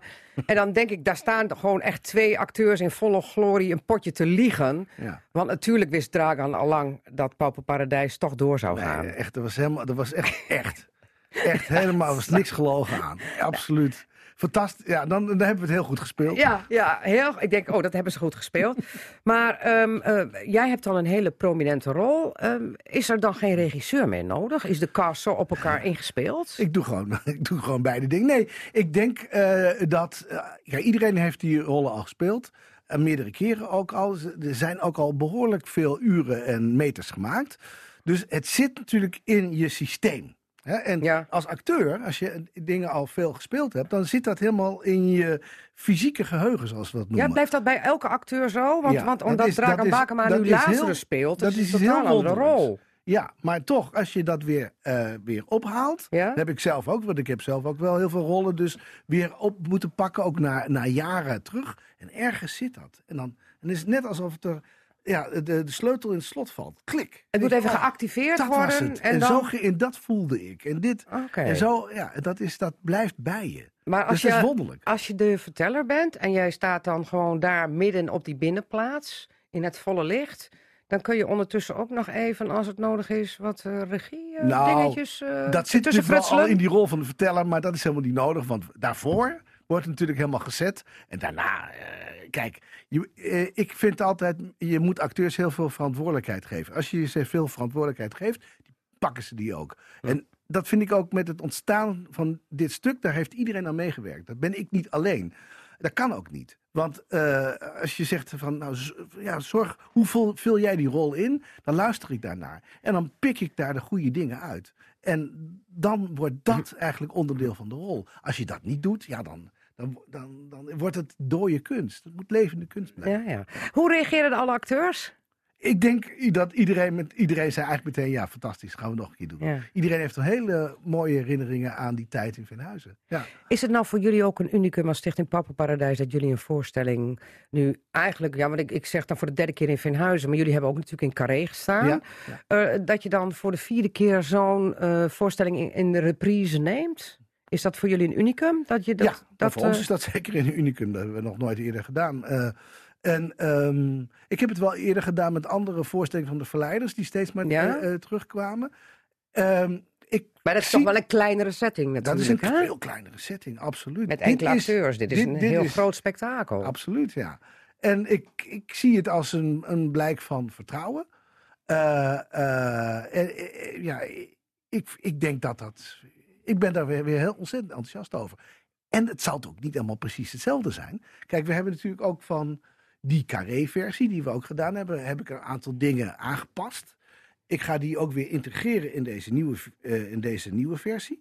Maar de wereld staat ook niet stil. Kijk, ik zei net al, ik wil de voorstelling spiegelen aan wat er natuurlijk nu speelt in deze wereld. Nou, we Mhm. hebben nu net klein voorbeeld. eh, dat hele gedoe gehad met al die toeslagen van de Belastingdienst. Ja. Dat gaat over een manier van denken over ehm, eh, mensen die het niet zo goed hebben in deze wereld. Hè, of mensen die, eh, ja, die minder bedeeld zijn. En die manier van denken, daar gaat eigenlijk het pauperparadijs over. Ook de actualisatie komt Ja, er ook weer want, bij. Want dat belastingdienst zijn, het is jullie schuld, jullie zijn fraudeurs, dit en dat en zo. En dat denken, dat, ja, dat stel ik ter discussie. Oké, er komt dus nog een update van het Er verhaal. komt absoluut een update. En misschien wel per dag zelfs. Want ik vind, dat vind ik leuk. Kijk, ik, ik lees de krant, ik, ik, ik, kijk wat er, wat er speelt. Dan wil ik dan gewoon al improviserend in kunnen voegen in het stuk. Ja, maar dat is namelijk helemaal naar jouw hand, want jij bent de verteller en Ja. jij bepaalt dan uiteindelijk de lijn. Ja, en de precies. rest speelt de rol mee. Ja, ja. Oké. We gaan straks nog even praten over eh, het decor. Want dat scheelt natuurlijk ook weer dat dat niet helemaal opnieuw eh, in elkaar gezet hoeft te worden. Want ook allemaal grote decorstukken. Maar het is eerst de hoogste tijd voor. Cassata, het radioforum. Jawel. Het radioforum is ook terug van een kleine kerstreces, zeg ik dan maar. Tom de Ket is nu bij deze ook gebombardeerd tot de radioforum, lid van Cassata. Dat is een enorme promotie, Tom. Ja. Eh, en, en daarnaast zit hij hier vandaag aan tafel. Agnes Mulder, ik ben Kamerlid voor het CDA en ik woon in Assen. Erik Sings, lid van de VVD-fractie Tweede Kamer en ook woonachtig te Assen. Ja, zijn jullie trouwens eh, naar Pauperparadijs geweest afgelopen keren? één keer? Ik ben in totaal drie keer geweest. Drie En, keer? eh, ja, en ik, ik kom met alle liefde nog een vierde of een vijfde of een zesde keer. Het eh, triggert me iedere keer. En, Hij is mijn ik, ben er, ik ben er heel enthousiast. ik ben, nee, maar goed, ik heb ook de periode meegemaakt toen je het nog in de stijgers ging zetten. En ons als politici natuurlijk ook overtuigde van het, pauperparadijs. Ik zie je daar nog staan. ehm, in dat gezelschap, dat gezelschap toespreken daar op die binnenplaats. Ehm, en uiteindelijk het resultaat. Ik vond het prachtig. Ik vind het nog steeds prachtig. Het idee alleen al dat het weer opgevoerd wordt. Hey, ik zal er zijn. Goed voor. Drenthe? Heel erg goed voor Drenthe, want je kunt, hier, hier kun je mee de markt op. Ik, Mhm. ik vind het, ja, misschien pak ik het dan nog wat groter als dat het misschien is. Maar, maar ik vergelijk het ook wel met Soldaat van Oranje. Waarvan ik denk, nou dit, dit kun je jaren zou je dit kunnen, kunnen Daar doorvoeren. hadden we het net ook al over gehad. Want Dat ik is- Peter Sluiter al waarschuwde van of hij dat huisje op de binnenplaats eh, toch maar even een poosje moet uitstellen. Want misschien komt er ook nog wel een vierde Ja. keer even in huis. Ja, Weet nou ja, ik, heb, ik heb het niet gehoord, maar, maar ik, vind- ik vind het fantastisch. Het is echt een, eh, een, een, een stuk reclame voor Drenthe. Er zit een verhaal achter, je kunt het dan iedereen kwijt. Het, het boek natuurlijk, wat er aan Ja. de grondslag ligt. Oh ja, hebben we nog niet eens genoemd, hè? Het boek van Ja, Suzanne Jansen. Ja, ik vind het echt fantastisch. Ja, allemaal nee, maar je kunt, dit, is, dit is zo'n mooi verhaal. Als je door Veenhuizen ook rijdt en het laat zien en, en dat verhaal er ook bij vertelt. En ik, ben, ik ben daar razend enthousiast al. Ja. Absoluut. Nou, En Agnes knikt al in stem met ja. ja, zeker. Ik ben daar met mijn ouders eh, geweest. Dus we zijn met z'n drieën naar een voorstelling eh, geweest. Maar één keer wij- zeg ik dan. Nou, Eén keer. Van. Ja, ja eh, soms gebeurt het op die manier. Maar ik vond het echt heel prachtig om dat met mijn ouders ook te zien. Dus eh, ja, zeker. Mooi nieuws om het eh, nieuwe jaar 2020 mee te beginnen, Ja, ik lijkt zat mij. het weer enthousiast Sterk- promoten. sterk en ik, Ja. ik vind ook eh Veenhuizen is ook heel erg prachtig. En bijna niemand in Nederland kent dat. En ook maar heel weinig Drenthe kennen, dat valt mij op. Dus ik roep alle Drenthe op, ga een keer naar Veenhuizen. Kijk hoe mooi of dat daar is. En combineer dat dan met die voorstelling. Ja, want voor je het weet is het te laat. Zeg, en, en zelfs als het regent, want ik heb er zelfs een voorstelling Ja, meegemaakt. ja, dat ja, het regent. ook. mooier En, en Ja. in de pauze, althans, toen ging het in de pauze regenen, dacht ik. En, en we hadden allemaal, we kregen ook allemaal plastic eh, capejes en dergelijke. Ja. Zelfs toen was het Ja, fantastisch. dan verandert die hele Ja. vloer in een spiegel. Ja. En dat Ja. is, dan weet je niet Echt heel mooi. Ja. Ja, maar het leukste is wel dat het eh, dan even gebeurt. Want ik had het namelijk eh, vlak voor de voorstelling, een hele dikke bui. Konden we gelukkig schuilen onder een grote boom die daar op de binnenplaats staat. En dan zie je inderdaad die plassen en dan wordt het een hele mooie spiegel... waardoor je nog meer effecten hebt en de, de omgeving nog meer beleeft. Nou, genoeg reclame nu voor het Pappenparadijs, Ja. lijkt mij. Nou, dat mag ook wel. Want ik vind het echt bijna ondrens, als ik het zo mag zeggen. Ondrens. Ja. Nou, en En dat, is dan een het voordeel als het ondrens Ja. is. Nee, vind- dit is zo prachtig. Ja. Inderdaad, wat, want zo'n soldaat van Oranje, dat vindt hier niet plaats. Maar dit vindt hier dus wel plaats. En dat is omdat het zo'n ontzettend mooi stuk is. Dus echt alle complimenten, ook voor alle acteurs, Na iedereen die eraan eh, meedoet. Ik hoor het al. Ja, Bartje, Ja, ja, voor, voor Agnes Mulder wordt het ook nog straks nog drie keer dat ze... Nou, kan dat ze wil ik de zeker nog een knoos. keer eh, aanpakken hoor. Dat Goed stuk, zo. Bartje. Maar forumleden, even serieus. Eh, hebben we nog eh, goede voornemens voor 2020, eh, Erik? Absoluut niet. Nee hoor. Niet? Nee, die heb- niet ik, aan. doe niet, ik doe niet mee aan die flauwekul. Doe je niet mee aan een Nee, droge januari? Dry January? Kom op zeg, dat is zo- zo zonde van die flessen die ik met de kerst heb gekregen. En al die niet- en, nieuwjaarsrecepties? niet, en niet opgegaan zijn. Kom. Ja. Agnes Mulder? Nou, ik ben in eh, augustus vorig jaar besloten dat ik eh, vanaf september 8000 eh, stappen per dag wil zetten. En eh, dat lukt me aardig. Ik heb één dag is niet gelukt. Dat was ter Oh, maar daar voorbereiding ben je de vorig jaar al mee begonnen. Ja, maar ik zet dat dus wel door. Want ik, het voelt zo heerlijk om, eh, en vooral hier in die mooie Drentse natuur natuurlijk, Ja. om, eh, om al die stappen te zetten. Dat is gewoon goed voor je als mens, denk ik. Want ik heb echt zo'n zittend beroep. Ik, en, zag, ik zag Annes ook iedere keer in de Tweede Kamer de, de, de, de roltrap, de roltrap op en af rennen. Ik denk, wat is ze toch aan het doen? Het is niet voor niks zo'n roltrap. Met mijn gimpen aan. Mooi? Tom de Ket, nog iets voor 2020 als goed Mijn, voornemen? mijn motto is altijd: aan goede bedoelingen gaat de wereld ten onder. Dus je moet nooit te veel verwachtingen hebben, want dat kan alleen maar tegenvallen. Oké, dat, dat, dat wordt hem dus Ja, maar niet. nieuwe gewoontes zijn soms best wel eens gezond. Nou, absoluut. En ik wil, ik ga zeker afvallen. Dat, dat heb ik. ik moet, ik moet, Dat zei ik vorig jaar ook. nu moet ik weer aan Dat de lijkt me best een moeilijk doel. Nou, maar als jij daar straks als verteller in volle glorie staat, dan kunnen ze niet om je heen. Dat is ook waar. Goed, alle gekheid op een stokje. Eh, even wat anders. Eh, vuurwerkverbod.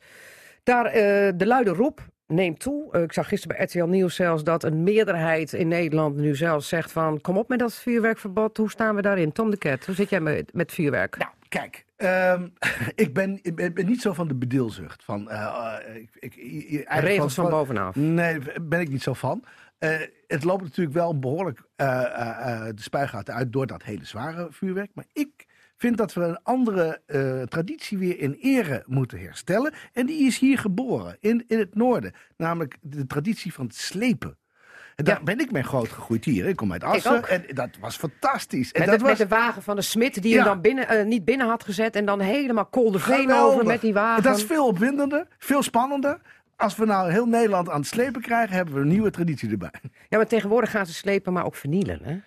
Nee, dat moet je niet doen. Het moet ludiek blijven. Ja, Dus, ja. eh, En dat, ja, god. En leg even uit wat slepen is voor Nou, eh, de slepen is stedelingen. heel- dat is eigenlijk iets wat je vindt, op, eh, maar ook in, in schuurtjes of weet ik veel wat, op een andere plek neerzetten. Of omhoog hijsen, of weet ik veel wat. Dat is, dat is leuk. gewoon, dat is een hele leuke traditie, vond ik dat. Het was al heel spannend Ja, altijd. maar vuurwerkverbod wat jou betreft niet of Nou, alleen maar siervuurwerk nog Eh, toestaan? kijk, ik heb eh, kleine kinderen en ik ben als de dood als hun wat overkomt. En vooral met dat hele zware vuurwerk. Ik vind dat je dat sowieso moet verbieden. Dat Ja. kan echt niet meer. Nee. Agnes Mulder. Ja, daar heeft mijn collega Chris van Dam ook een motie over ingediend. Hè, die single shots. Die gevaarlijker eh, zijn. Dus eh, dat moet je gewoon eh verbieden. Single shots zijn dikke knallers, hè? Ja, ja, en daar wordt eh, politie en andere eh, hulpverleners ook mee belaagd. Dus eh lijkt me goed als, als we daar gewoon mee stoppen. En ik denk dat we een bredere discussie met elkaar moeten hebben van hoe gaan we nou met elkaar om? Want op deze manier, dit is gewoon een uiting die dieper zit dan alleen dit middel vuurwerk. Hè? Mhm. En dat de politie en andere hulpverleners worden belaagd, dat is ook al helaas langer aan de gang. Daar moeten we het gewoon eens over hebben met elkaar in de samenleving. En ik vind ook de raddraaiers die dit echt doen, want het is vaak ook illegaal vuurwerk. Hè? Dus je kan de rest wel verbieden, maar daarmee heb je het illegale probleem niet opgelost. Dus je moet ook gaan handhaven. Daar heeft mijn collega ook een motie over ingediend. Die heeft gewoon gezegd van nou, als je eh, mensen een aantal dagen van tevoren betrapt, zet je ze maar vast tot en met eh, eh, eh, nieuwjaarsdag. Mhm. Dan kunnen ze niks meer doen op die dag. Ja, als dat net eh, nodig is. Nou, dat doen ze we wel op de dag daarna en de dag daarna, hoor. Heb ik in ieder geval meegemaakt. Omdat het zo mistig was, bleef heel veel vuurwerk liggen. En dat werd eh, vrolijk de volgende dag nog eh, Ja. de lucht Nou ja, ingeknald. misschien moeten we dan maar tot en met de eerste drie dagen. Maar laten we het gewoon hard aanpakken. maar een want dat- algeheel vuurwerkverbod is voor het CDA niet bespreekbaar. Nee, ik denk wel de, iedereen hè, die ergert zich aan hoe er nu mee om wordt gegaan. En ik ook, onze fractie ook. Alleen, eh, we moeten voorkomen zeg maar, dat we onze gewone inwoners... ik heb vroeger zelf ook met uh, slofferrotjes eh, rondgelopen... Dat, dat je dat allemaal gaat uitsluiten. En ik vind, dan wordt het een vertrutting waar ik niet op zit te wachten. Maar hoe dat nu gaat, dat is absoluut onacceptabel. Maar denk je achteraf niet die rotjes, wat had er nou eigenlijk voor zin? Van die domme knallers? Ik vond dat superleuk. Ja, ik heb er ook met de. Ik, heb op, Ja, ik, nee, ik maar moet eerlijk opbiechten dat ik met de strijker eens zo'n groene postbus van de PTT die we vroeger nog hadden. Zo op de boerendorpen had je zo'n groen busje. En als die mensen hem niet binnen hadden gehaald, och joh, dan ging er met de strijker de deksel er zo mooi vanaf. Ja, dat vind ik ook. ja. Foei, maar dat is ook vernieling eigenlijk. Met terugwerkende Ja, kracht kan ik daar nog een boete Ja. voor krijgen? Nee toch? Nou, We zetten je vast, dat- eh. wie, wie weet dat ze je nog, eh, nog aanpakken. Maar goed, dat, dat zware vuurwerk is gelukkig in Nederland ook niet meer verkrijgbaar. Nee. Ehm, en eh, zelf heb ik het idee dat we enorm bezig zijn op dit moment met symboolpolitiek. Want Ja? Als wij zien dat dat wat ge- gebeurt met de hulpverleners, dat is schandalig. Dat, eh, volledig Ja. mee eens met de overige sprekers. Het beschieten Maar- van maar je- hulpverleners maar je met moet je vuurwerk. voorst- Ja, maar je moet je voorstellen, dat gaat vaak om mensen die doorgesnoven, doorgezopen zijn. En of die, weet je, als ze geen stukje vuurwerk hebben, wat vaak ook nog illegaal Ja, is. Het het woord is het zegt het al. middel, hè? Dus Ja. dat illegaal is, is al illegaal. Dus daar kun je al op handhaven. Zo, zo moeilijk is het niet. Eh, dan gooien ze met flessen en met stenen en met glas. Dus je gaat ook het, het plezier wat mensen eraan beleven. Want ik zie het heel vaak als een, wat, wat een randstadprobleem. Grote steden waar dit Mhm. vaak gebeurt. En eigenlijk in die dorpen waar met karbit geschoten wordt. eh, waar ook Ja, maar ik dacht dat Tom de Ket daar naartoe wilde van Ja, een traditie. karbit, Karbit heel goed. Hartstikke maar, leuk. Ja, maar, Ja, maar goed, maar zelfs, in de Kamer, ik heb, ik heb het debat gevoerd. Ik ben, formeel valt het namelijk onder de milieuwetgeving. Dus formeel ben ik woordvoerder vuurwerk. Alleen het speelt zich nu allemaal af onder veiligheid en justitie. Oké. Of justitie en veiligheid is het nu weer. Hè? Ach ja. Ja, ik moet iedere keer weer, weer nadenken over de, de term hoe zo'n uit, ministerie... Staat wat je vinden wij bedoelt. belangrijker dan de Ja, wel, maar, maar het is dus, wat, wat ik probeer ermee te zeggen, je probeert een probleem op te lossen. En dat probleem is er, daadwerkelijk, dat zien we. Eh, Maar je gaat een probleem oplossen met een stukje symboolpolitiek. Want als je niet gaat handhaven, Ja, er inderdaad op die hufters die dit, dit uitvoeren, dan los je het probleem niet op. Dan gaan ze ergens anders mee lopen te klieren of te gooien, et cetera. Maar het is misschien ook wel een autoriteitsprobleem. Hè? Ik bedoel, heeft de politie nog wel eh, voldoende autoriteit? Ik zie dat steeds meer afkalven. Ja, het gezag Het gezag, ja. verdwijnt. toch? Vroeger was het meneer, meneer de commissaris en meneer de politieagent. Nou ja, wij hadden, wij hadden nog een, een, een dorpsagent. Eh, ik, ik woonde in, in Laaghalen, pal naast Hooghalen. En daar had je inderdaad nog een agent wonen in het dorp zelf. Nou, eh, dank je de koekoek, als wij inderdaad met vuurwerk op pad waren. Wij, dat was toen ook gelimiteerd Ja, in een bepaald tijdstip. Ja. Dan dacht je shit. Maar daar dat zit durfde- wel een probleem dat durfde, je, niet- dat durfde je niet aan. hè. Mhm. Dan denk je, verrek, stel, je voor dat ze je pakken. Hè, dus dat dus was dat is echt het hele jaar door met de Ja. handhaving. Hè? Dat is niet alleen maar rondom oud en nieuw. Nee, nee, maar om een lang verhaal kort te maken van Erik, de VVD wil ook geen algeheel vuurwerkverbod. Ehm, want heeft het dan ook met handhaving te maken? Dat Hoe heeft, handhaaf dat je dat? heeft inderdaad met. Het, is, het moet namelijk handhaafbaar zijn, het moet uitvoerbaar zijn. Ik bedoel, als ik zie, eh, ik- zelfs in mijn straat, dat mijn overbuurman die zegt: joh, ik rij even naar Duitsland, ik ga naar de Aldi, daar staat het tussen de blik en bonen Ja. en tussen de pot en appelmoes. Eh, en eh, in Nederland kost het het dubbele, omdat we dus Ja. een bunker eh, opleggen aan die, aan die leveranciers. Ja, allemaal prima dat je dat doet qua veiligheid. Maar besef wel dat je het vuurwerk gewoon aan de andere kant van de grens kunt halen. En dat illegale vuurwerk, jongens, inderdaad, pak dat keihard aan. Maar Dat ik las, ik las wel dat er ook vingers van mensen zijn afgevlogen die niet met illegaal vuurwerk bezig waren. Lijkt mij, lijkt mij zeer onwaarschijnlijk. Ik heb, eh, ik, heb de de niet gelezen, maar, maar het vuurwerk wat tegenwoordig in Nederland verkocht wordt, eh, ik zal je vertellen dat... eh, dat, dat, Oké. dat Ja, maar die- die- ergste knallers, echt- die dat moet je zijn wel aanpakken. Die Cobra 6, weet je wel, dat is echt... Oké, maar voor Maar jullie die, dan die, geen... ster- die, die, eh, die meest heftige categorie vind ik ook wel dat, dat je daar wel wat aan moet doen hoor. Oké. Dus vandaar ook die single shots. eh, wel verbieden die hap. Hm. En als er meer nodig Ja, maar is, daar- dan daar is heb- er Maar meer daar heb je nodig. ook weer een categorie F2, F1 in.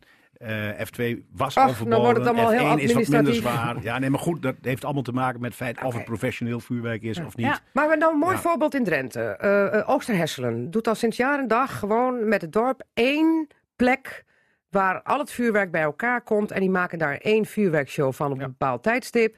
Is dat niet wat? Nee, maar dat kan nu al. Dus, dus elke gemeente ja, maar het kan het, dat gewoon. Het, het kan wel, maar het gebeurt niet. Nee, omdat simpelweg de gemiddelde burgemeester heeft kennelijk niet gewoon het lef om te zeggen van we doen het hier niet in deze stad. Nou, het, Eh, ik en- kan en me laat ze uit, maar gewoon- uit ze nog herinneren dat het Ja. wel gebeurde bij de Kolk. Weet je wel, daar werd een Ja? vuurwerkshow met oud en nieuw. Daar ging je naartoe. Was dat met oud en nieuw? Ja, zeker ik dacht dat het altijd met kon, Met- Koningsdag... met Koning, Titi. Ja, nee, Koningsdag, want, want ik, heb zelf, met oud ik, en heb, nieuw. ik heb zelf weer dat Oranje Comité gezeten. En na Enschede was dat gewoon ondoenlijk om het te organiseren. Ja, maar het dan moest was je, wel Dan moest je de hele stad moest je afzetten. Het was altijd met Titi, weet ik nog Ja, wel. ook Dan met Titi gingen we sowieso. Met oud en nieuw weet ik echt Maar het is nog steeds met Titi, volgens mij. Is Ja, afsluiting Ja, dat kan. Goed, maar in ieder geval vuurwerkverbod voor jullie niet aan de orde. Ook niet eh, eh, één vuurwerkplek. Ehm, nou ja, goed. De discussie is wel gaande, maar politiek gezien is er nog geen meerderheid voor. Nou, en ik denk ook, ik eh, las voorbeeld van een Geldersdorp waar ze heel veel trammeland hadden gehad. En eh, waar ze gewoon eh, iets samen met de jeugd hebben georganiseerd. Waardoor je al die rotzooi en troep niet meer op die manier hebt. Dus kijk er ook op een andere manier naar. Hè. Het is, het is, het is niet Ja. alleen het vuurwerk zelf. Dus gewoon, hoe ga je met je jeugd om? En dat doe je het hele jaar door. En niet Dat alleen maar met bij oud en nieuw. Vroeger, dat kan ik nog heel goed herinneren. Toen werd er niks gedaan. Hè, er waren 100.000 eh, eh, Ja. eh, motor, eh, eh, motorliefhebbers. En er, nou, er was geen entertainment. En toen braken er altijd. Relletjes, ja. Klopt, maar met oud en nieuw in Assen. Ik zat in de gemeenteraad ergens eh, bij 94, 95, 96. Eh, en toen hebben we dus met elkaar georganiseerd dat in die buitenwijken, onder andere in Marsdijk, werd dat oud en nieuw. Eh, daar kom je naartoe. Bommetje vol. Tot, tot 10, 15 jaar later, toen kabbelde dat af. Want de meeste horecabedrijven gingen op een bepaald moment ook weer open. Dus Ja. iedereen had weer vertier. Men is toch op zoek naar vertier. Verveling leidt altijd tot Ja. vernieling. Ja. Tot, Ja, tot, maar tot daar zit dus ook een oplossing. En als je Ja. alleen maar gaat zeggen, we gaan dingen Mhm. verbieden, dan eh, ben je volgens mij niet handig In Meppel hebben ze dat volgens mij eh, dit jaar ook gedaan met Oud en Nieuw. Hebben ze eh, eh, niet alle kroegen open, maar eentje ging open. En daar was een groot feest. Met alle horeca-ondernemers onderling afgesproken. Goed, eh, eh, heel wat anders. Behalve vuurwerk, want we komen vast op terug. Eén dingetje nog trouwens over dat vuurwerk. Nu mag je eigenlijk maar vuurwerk afschieten van zes uur s avonds Ja. op Oudjaarsdag tot twee uur s'nachts. Nou, wij hadden in Marsdijk in ieder geval een maand plezier al van dikke knallen en wat zo. Dat Nou, kunnen dat ze al bedoel niet ik eens dus met handhaven. handhaving. Hè, Ja. En, en, en dat moet je dus die hele maand al doen. Ja, oké. Goed, maar de politie heeft het druk. Eh, te weinig mensen. Er wordt de afgelopen maanden al constant eh, aangegeven. Dus we gaan het zien hoe dit afloopt. De discussie is nog niet voorbij. Eh, even, eh, even wat anders. De actievoerende boeren, zo bleek gisteren, die hebben dreigbrieven gehad. En van ehm, eh, extremistische dierenactivisten, wat groeperingen waar wat afkortingen onder die brief stonden. En die zeiden, de boeren dat zijn eh, terroristen eigenlijk met hun trekkers op de weg. En eh, die moeten de tering naar de nering zetten. Die trekken zich nergens van aan. Slappe overheid.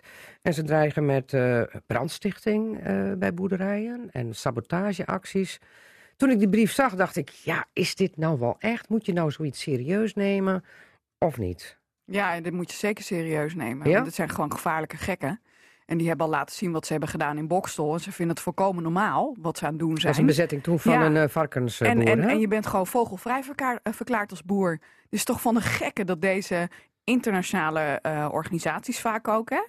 ehm, eh, die- die schuwe geweld eh, niet. Mhm. En ik vind eh, dat, dat hier eh, tegen opgetreden moet worden. Dit kan natuurlijk eh, zo niet. Ja, kijk jij er tegenaan, Tom de Ket? Nou, eh, ja, dat kan niet, natuurlijk. Dat ben ik, eh, dat, eh, ik, ik ben sowieso tegen elke vorm van geweld. Dat lost nooit wat op, dat escaleert alleen maar. Ik vind ehm, wel dat aan beide kanten nu heel erg in deze hele stikstofdiscussie wordt overdreven. Dat vind ik altijd gevaarlijk. De boeren zijn eigenlijk, vind ik, de dupe van een ongelooflijk wijfelend en uitstellend overheidsbeleid. En daar word je natuurlijk gek van ook al- al- als boer. Van je denk je van, eh, ja, eh, ik kan nu niet meer normaal mijn bedrijfsvoering doen. Mhm. Had dat eerder gezegd. Of dan hadden we, nou ja, weet je. Ze rollen van het een in het echt, andere. Dat, dat, is, dat is absoluut waar. Maar als ik dan die Farmers for Defense dan, eh, dan met, met, met vergelijkingen met de Holocaust. En dat denk ik van, hou eens even op zeg. Mm. Eh, zo erg is het nou ook allemaal weer niet. Eh, laten, we- laten we in alle redelijkheid proberen Ja. dit probleem. Want er is natuurlijk wel degelijk ook een stikstofprobleem. Dat heeft iedereen, heeft ook.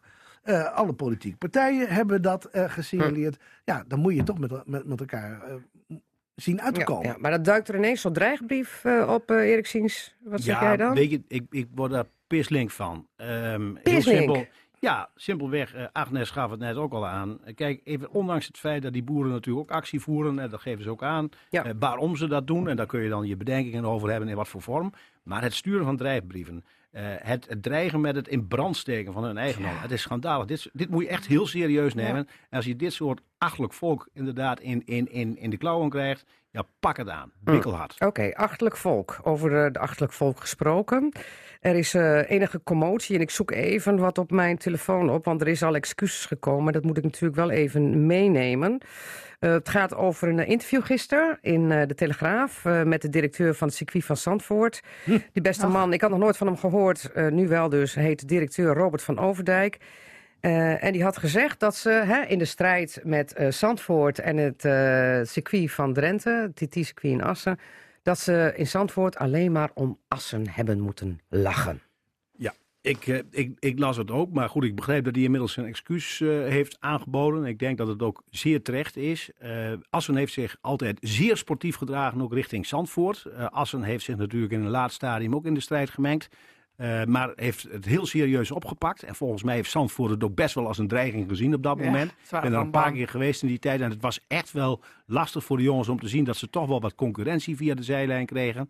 En dan vind ik ook dat ze net zo groots moeten reageren zoals Assen ook gereageerd heeft. Toen uiteindelijk Zandvoort de race toege- toegewezen kreeg. Eh, dan zei ik van jongens, laat je zien hoe groot je bent. Ja. Dit is in Assen ook. Maar goed, hij heeft nu excuses aangeboden. Ja, ik zal het even voorlezen. Ja. Ehm, eh, deze beste Robert van Overdijk eh, schrijft nu op Twitter... nadat hij een behoorlijke zak stront over zich heen heeft gehad, mag ik wel even zeggen. Hij heeft, eh, ik heb geen enkele intentie gehad tot een denigrerende opmerking... richting het TT-circuit Assen. Excuses. Alle respect voor hun belangrijke rol in de nationale en internationale sport.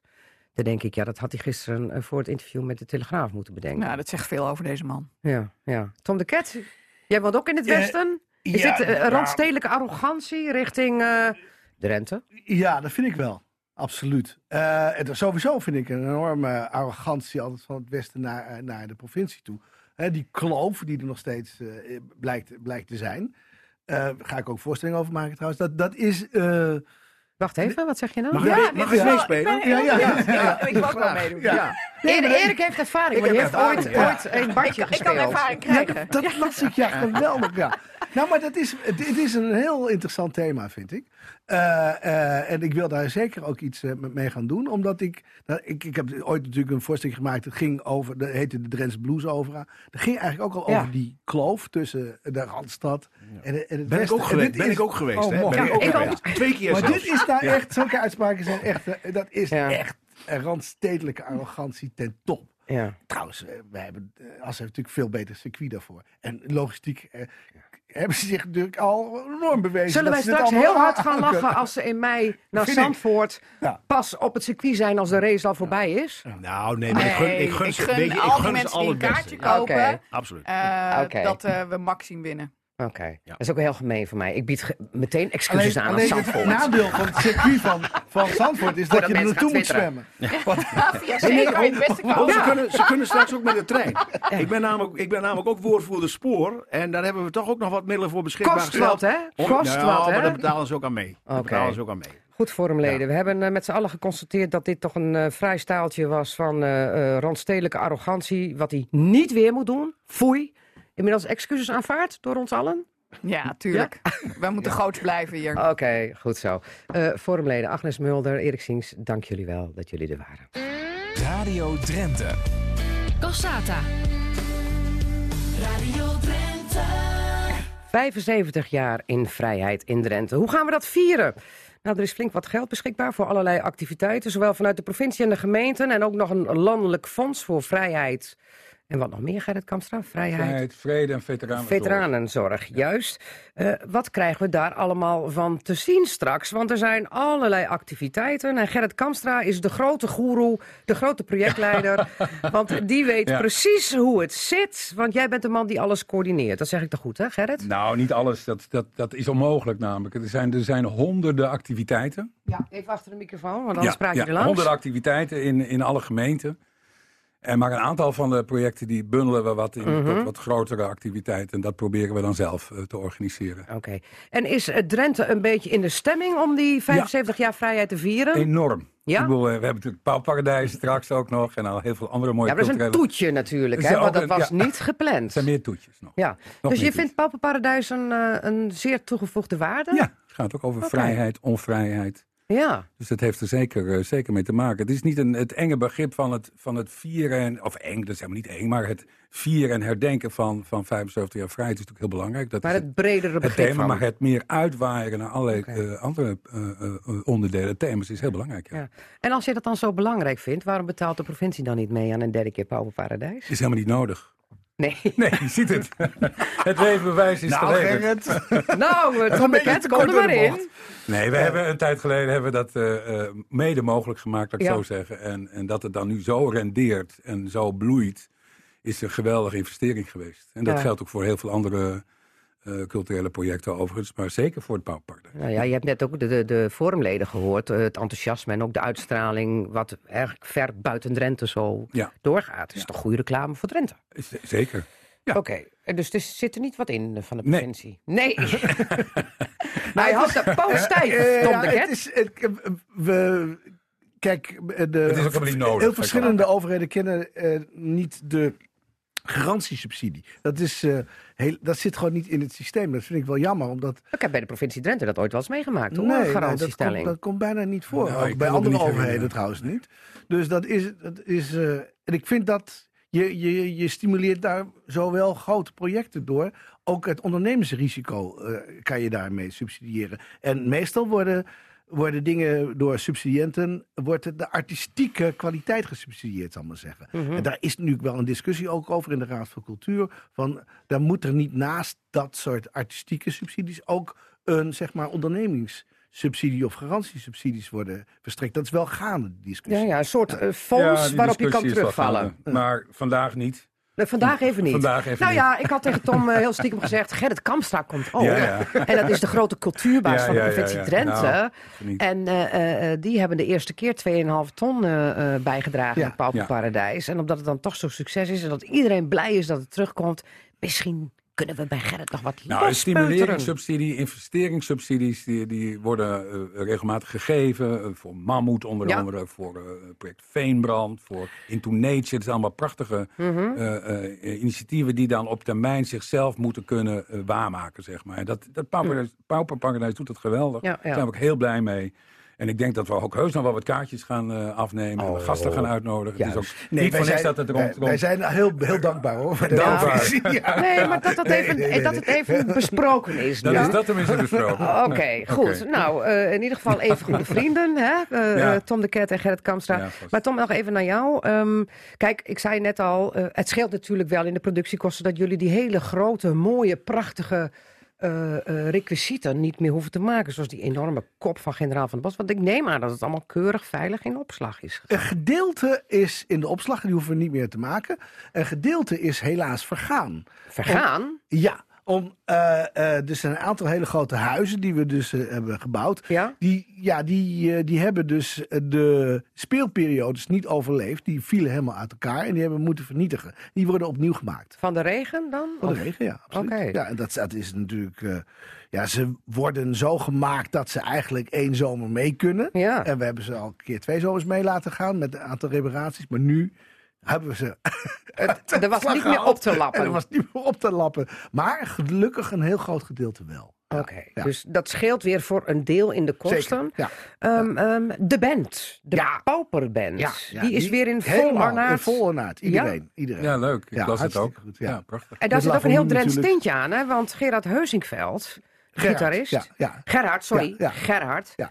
Eh, met DT zelfs. Ja. Eh, eh, dat is toch een arrangeur en een gitarist, en die heeft de liedjes ook gearrangeerd, begrijp ik? Nou, nee, die heeft wel meegeholpen Ja? met ook met sommige arrangementen. Maar Lavalou heeft zelf het meeste de zangeres. Ja. Ja. de- de- En die zijn met de complete band weer helemaal in vol ornaat bij het spektakel Helemaal. aanwezig. Absoluut, ja. En de muziek is natuurlijk geweldig. En een heel, heel belangrijk onderdeel van het spektakel. Ja. En Lavalou is ook een fantastische performster.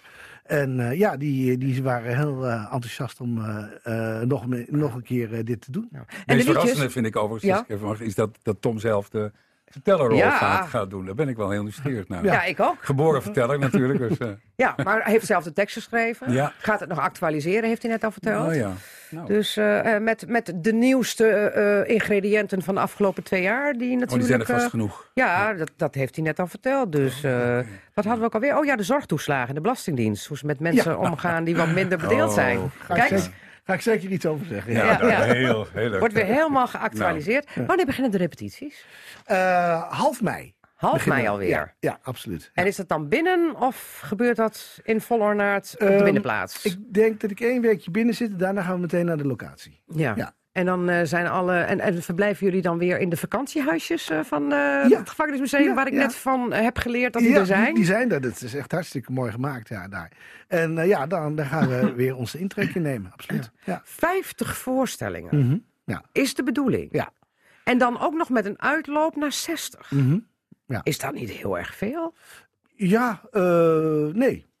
laat, Nee. gewoon nee zeggen. Nee. nee, absoluut niet, denk ik. Ja, kijk, eh, als je dat vergelijkt met Soldaat van Oranje, is het natuurlijk helemaal niks. Eh, nee, oké. eh, nee, en het is elke avond weer anders. Elke avond is het weer mooi en bijzonder om dat te doen. Ehm, eh, en, en een dergelijk groot spektakel, dat heeft natuurlijk ook gewoon duur en volume nodig. ja, ja. En de mensen die het al gezien hebben, zoals Agnes Mulder, Ja. CDA-Kamerlid, Ja, nou, waarom je- moeten die het vooral nog weer een keer gaan Je zien? hoorde het net ook uh, uh, dat uh, Erik, zo, zo'n, Erik zo, Erik Drie keer. drie keer geweest. Dat zie je trouwens ook bij de bezoekers van Soldaat van Oranje. Die, die, die komen echt vijf, zes keer. Ik heb van heel veel mensen gehoord al die al een aantal keren geweest, uh, zijn geweest in Veenhuizen, die nu nog een keer komen. En dat kan ook omdat het een vrij complex verhaal is. Je ziet ook steeds elke keer weer iets anders. Zeker, uh, de natuur doet ook natuurlijk mee. En dat is natuurlijk denk ik wel een van de bijzondere dingen van deze voorstelling. En natuurlijk een meester vertellen in de persoon van Tom de Ket. Kijk, kijk dat- me groeien daar op die stoel aan de Dat- ja, Casata-tafel.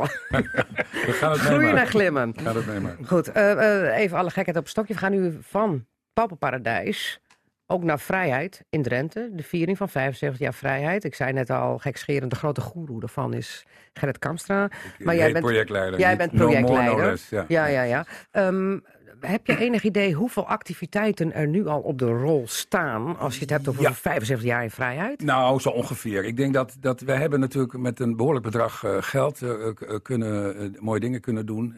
Want groot- even voor duidelijkheid, de provincie Drenthe heeft 1 miljoen euro beschikbaar ja, ja, gesteld. de helft van het geld is uit algemene middelen, zoals dat heet, algemene Mhm. reserve. En een deel uit de gewoon bestaande budgetten. Het, de provinciale staten hebben dat unaniem Mhm. goedgekeurd. Dat gebeurt niet zo vaak, unaniem, dus het is prachtig dat dat kon. Daarvan is een groot deel van het geld is naar de gemeente gegaan, ongeveer 4 ton. En die hebben dat ook gematcht met een groot bedrag, dus daar is best veel geld. zo acht Ja, maar die doen zelf ook eh, geld erbij, ja, hè? zeker, zeker. Dus dat is, de gemeenten zijn heel erg enthousiast. Ook alle burgemeesters van alle gemeenten, dus de twaalf, twaalf eh, mannen, eh, nee, elf mannen en één vrouw. Oeh, denk erom. Eh, die, eh, die zijn ook, ook bestuurlijk verantwoordelijk, zoals bij de provincie eh, Kees Bijl en Jette Kleinsma. Dus dat, dat zijn mijn Mhm. directe opdrachtgevers, zou je kunnen zeggen. En, en de rest van het geld, die andere zes ton, die, die hebben we verspreid over een aantal prachtige projecten. zijn heel veel aanvragen geweest. Het geld is nu zo'n beetje op. Mhm. Maar, Oh, dus iedereen die zich nog niet had gemeld, die vist nou achter het net. Ja.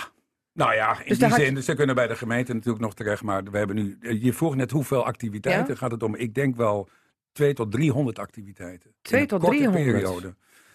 Iedere gemeente heeft, heeft, eh, eh, heeft zelf activiteiten geïnitieerd. Of, of met de clubs, eh, cultuurhistorische verenigingen. Of 4, 5 mei-comité's of toneelverenigingen. Van alles en nog wat hebben zich gemeld. En die worden nu allemaal ontwikkeld, die projecten. We Is hopen het ook, door het hele jaar heen? ja, het, het hoogtepunt ligt wel in april. Mhm. In april is eh, 1945 is Drenthe bevrijd. Daar, daar spitsen zich eh, de activiteiten wel een beetje op toe. 4 april gaan we ook de, de, de aftrap doen in Koevoorde. Koevoorde was een van de eerste plekken die bevrijd eh, zijn. Dat, dat is ook zeg maar onze eh, provinciale opening, zou je kunnen zeggen.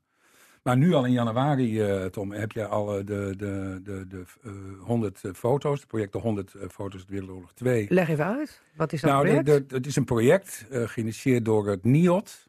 Eh, en, eh, en in alle provincies worden nu eh, foto's verzameld. Ook door een werkgroep hier. Die hebben op verschillende plekken allemaal foto's verzameld. Elke provincie levert 50 levert foto's. hè? 50 foto's. Die Ja. 50 foto's worden eh, 15 januari gekozen.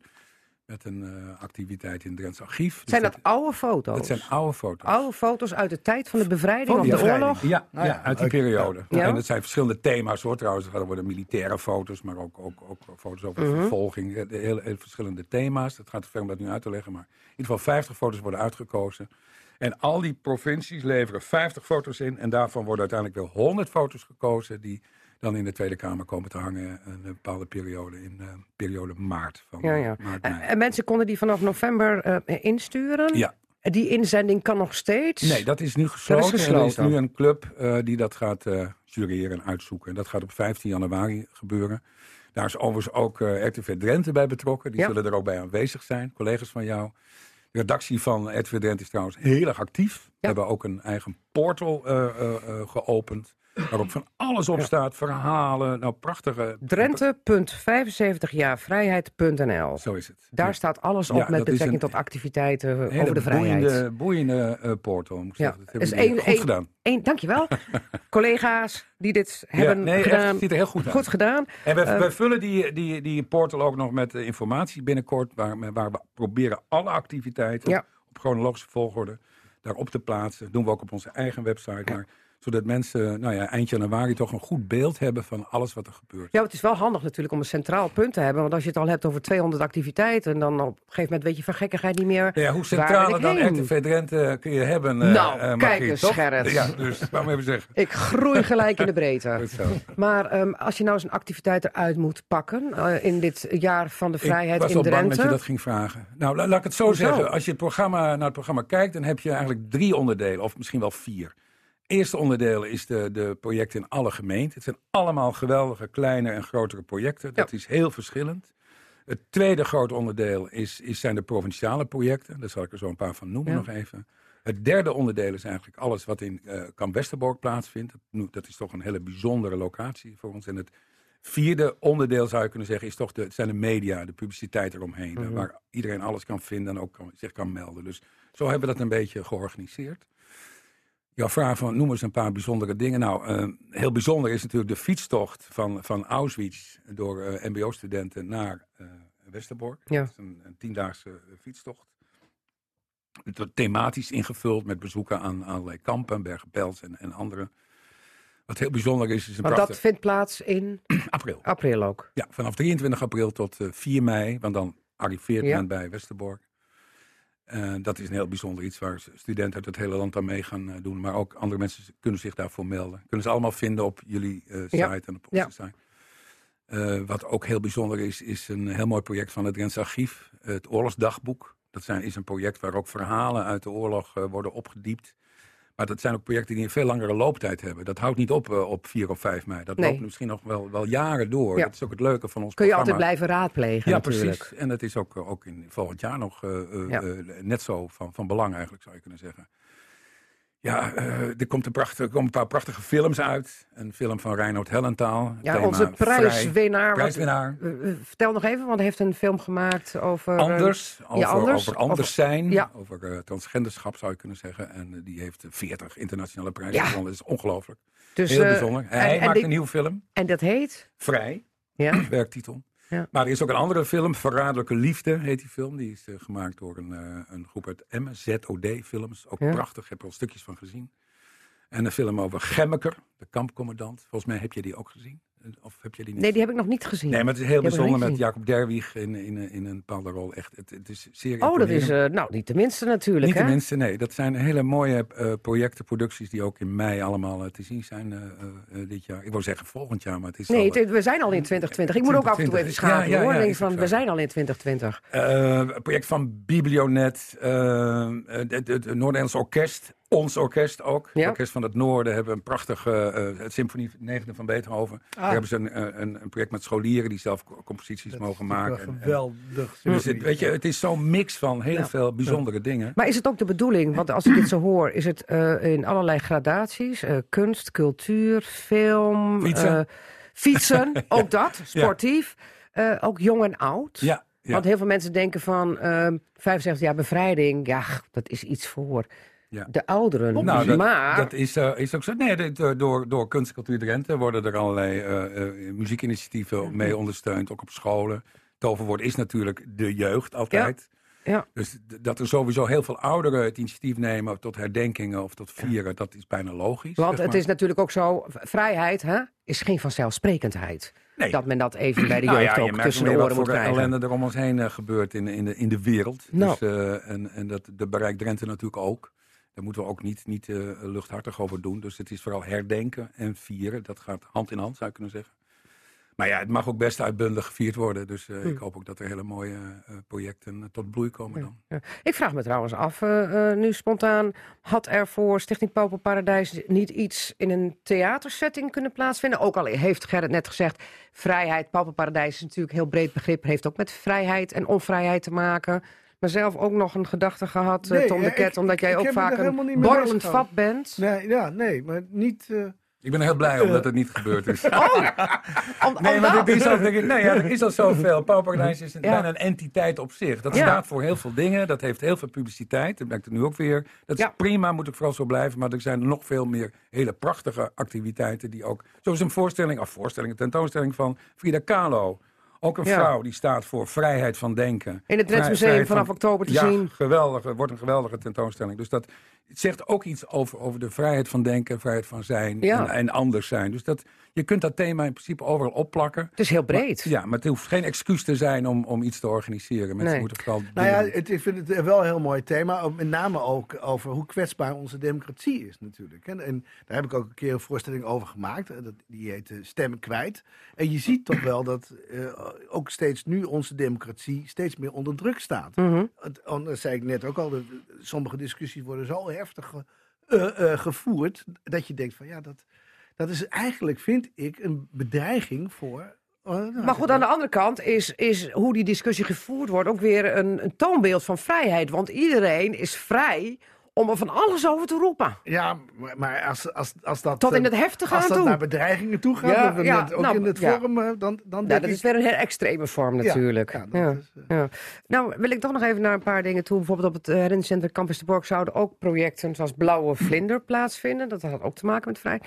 Maar dat valt dan weg. Ja, dat is ook een keus geweest. eh, in, in de voorbereiding naar, naar dit jaar zijn er gesprekken geweest ook Ja. met, met die mensen. Ik heb daar verder niet deel van uitgemaakt. Hoogsteens. Nee, dat was iets tussen het herinneringscentrum Ja. Campus de Borg Nou ja, en, ik, ik en, ben en natuurlijk de weten we daarvan. vrouw. En, en, eh, Maar dat valt ik- dan wel weg. Ja, ik begrijp heel goed eh, achteraf. Hè, ik bedoel, je kunt voortschrijdend inzicht zou je Mhm. kunnen zeggen. Dat het herinneringscentrum kiest voor een zekere matigheid. Het is geen evenemententerrein. Hoe je het ook bent of keert, er moet met, moet met zorg uh, naar gekeken worden. Het is hun afweging geweest om dat niet te doen. Uh, dat respecteren we volledig. Hm. Het neemt niet weg dat er in de toekomst best Ja. nog een prachtige voorstelling Maar gemaakt valt er dan ook niet in de programmering rond vrijheid een gat? Of... Nee, Nee. nee. dat met alle Zat respect. te doen. Alle, zat te doen. Het Zat gaat om, om tientallen, honderden activiteiten. Het loopt vanaf januari.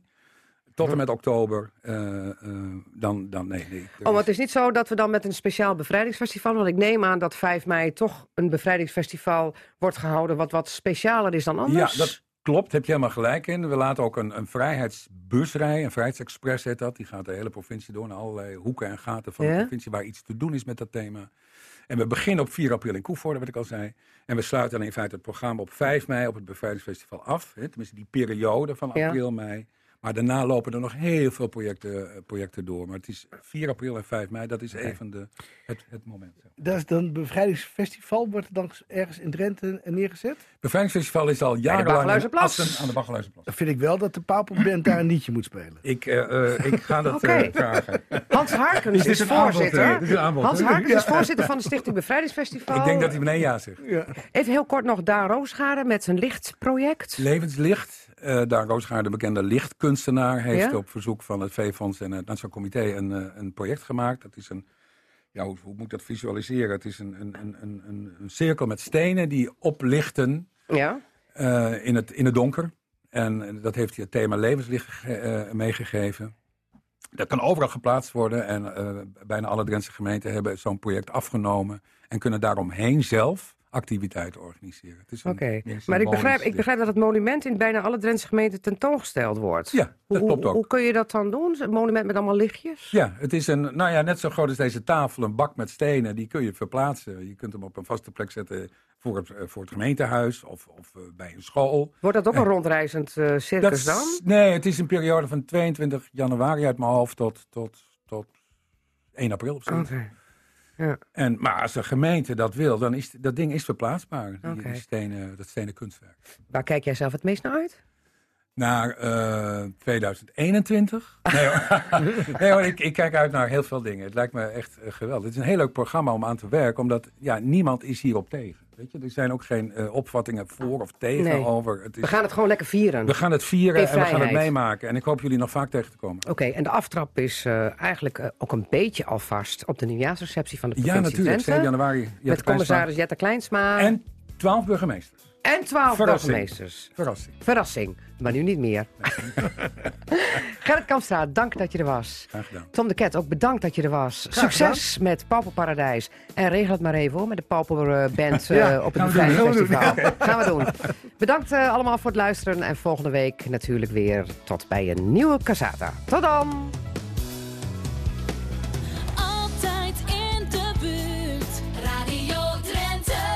Je luisterde naar Casata. Dat is te beluisteren als radioprogramma op zaterdagmiddag, maar sinds kort ook als podcast. Net als het programma Drenthe Toen. Vond je het nou interessant? Geef ons dan 5 sterren en laat je beoordeling achter. En vertel het natuurlijk ook aan vrienden, familie en collega's. Daar help je ons mee, zodat we nog meer luisteraars kunnen bereiken. Tot volgende week.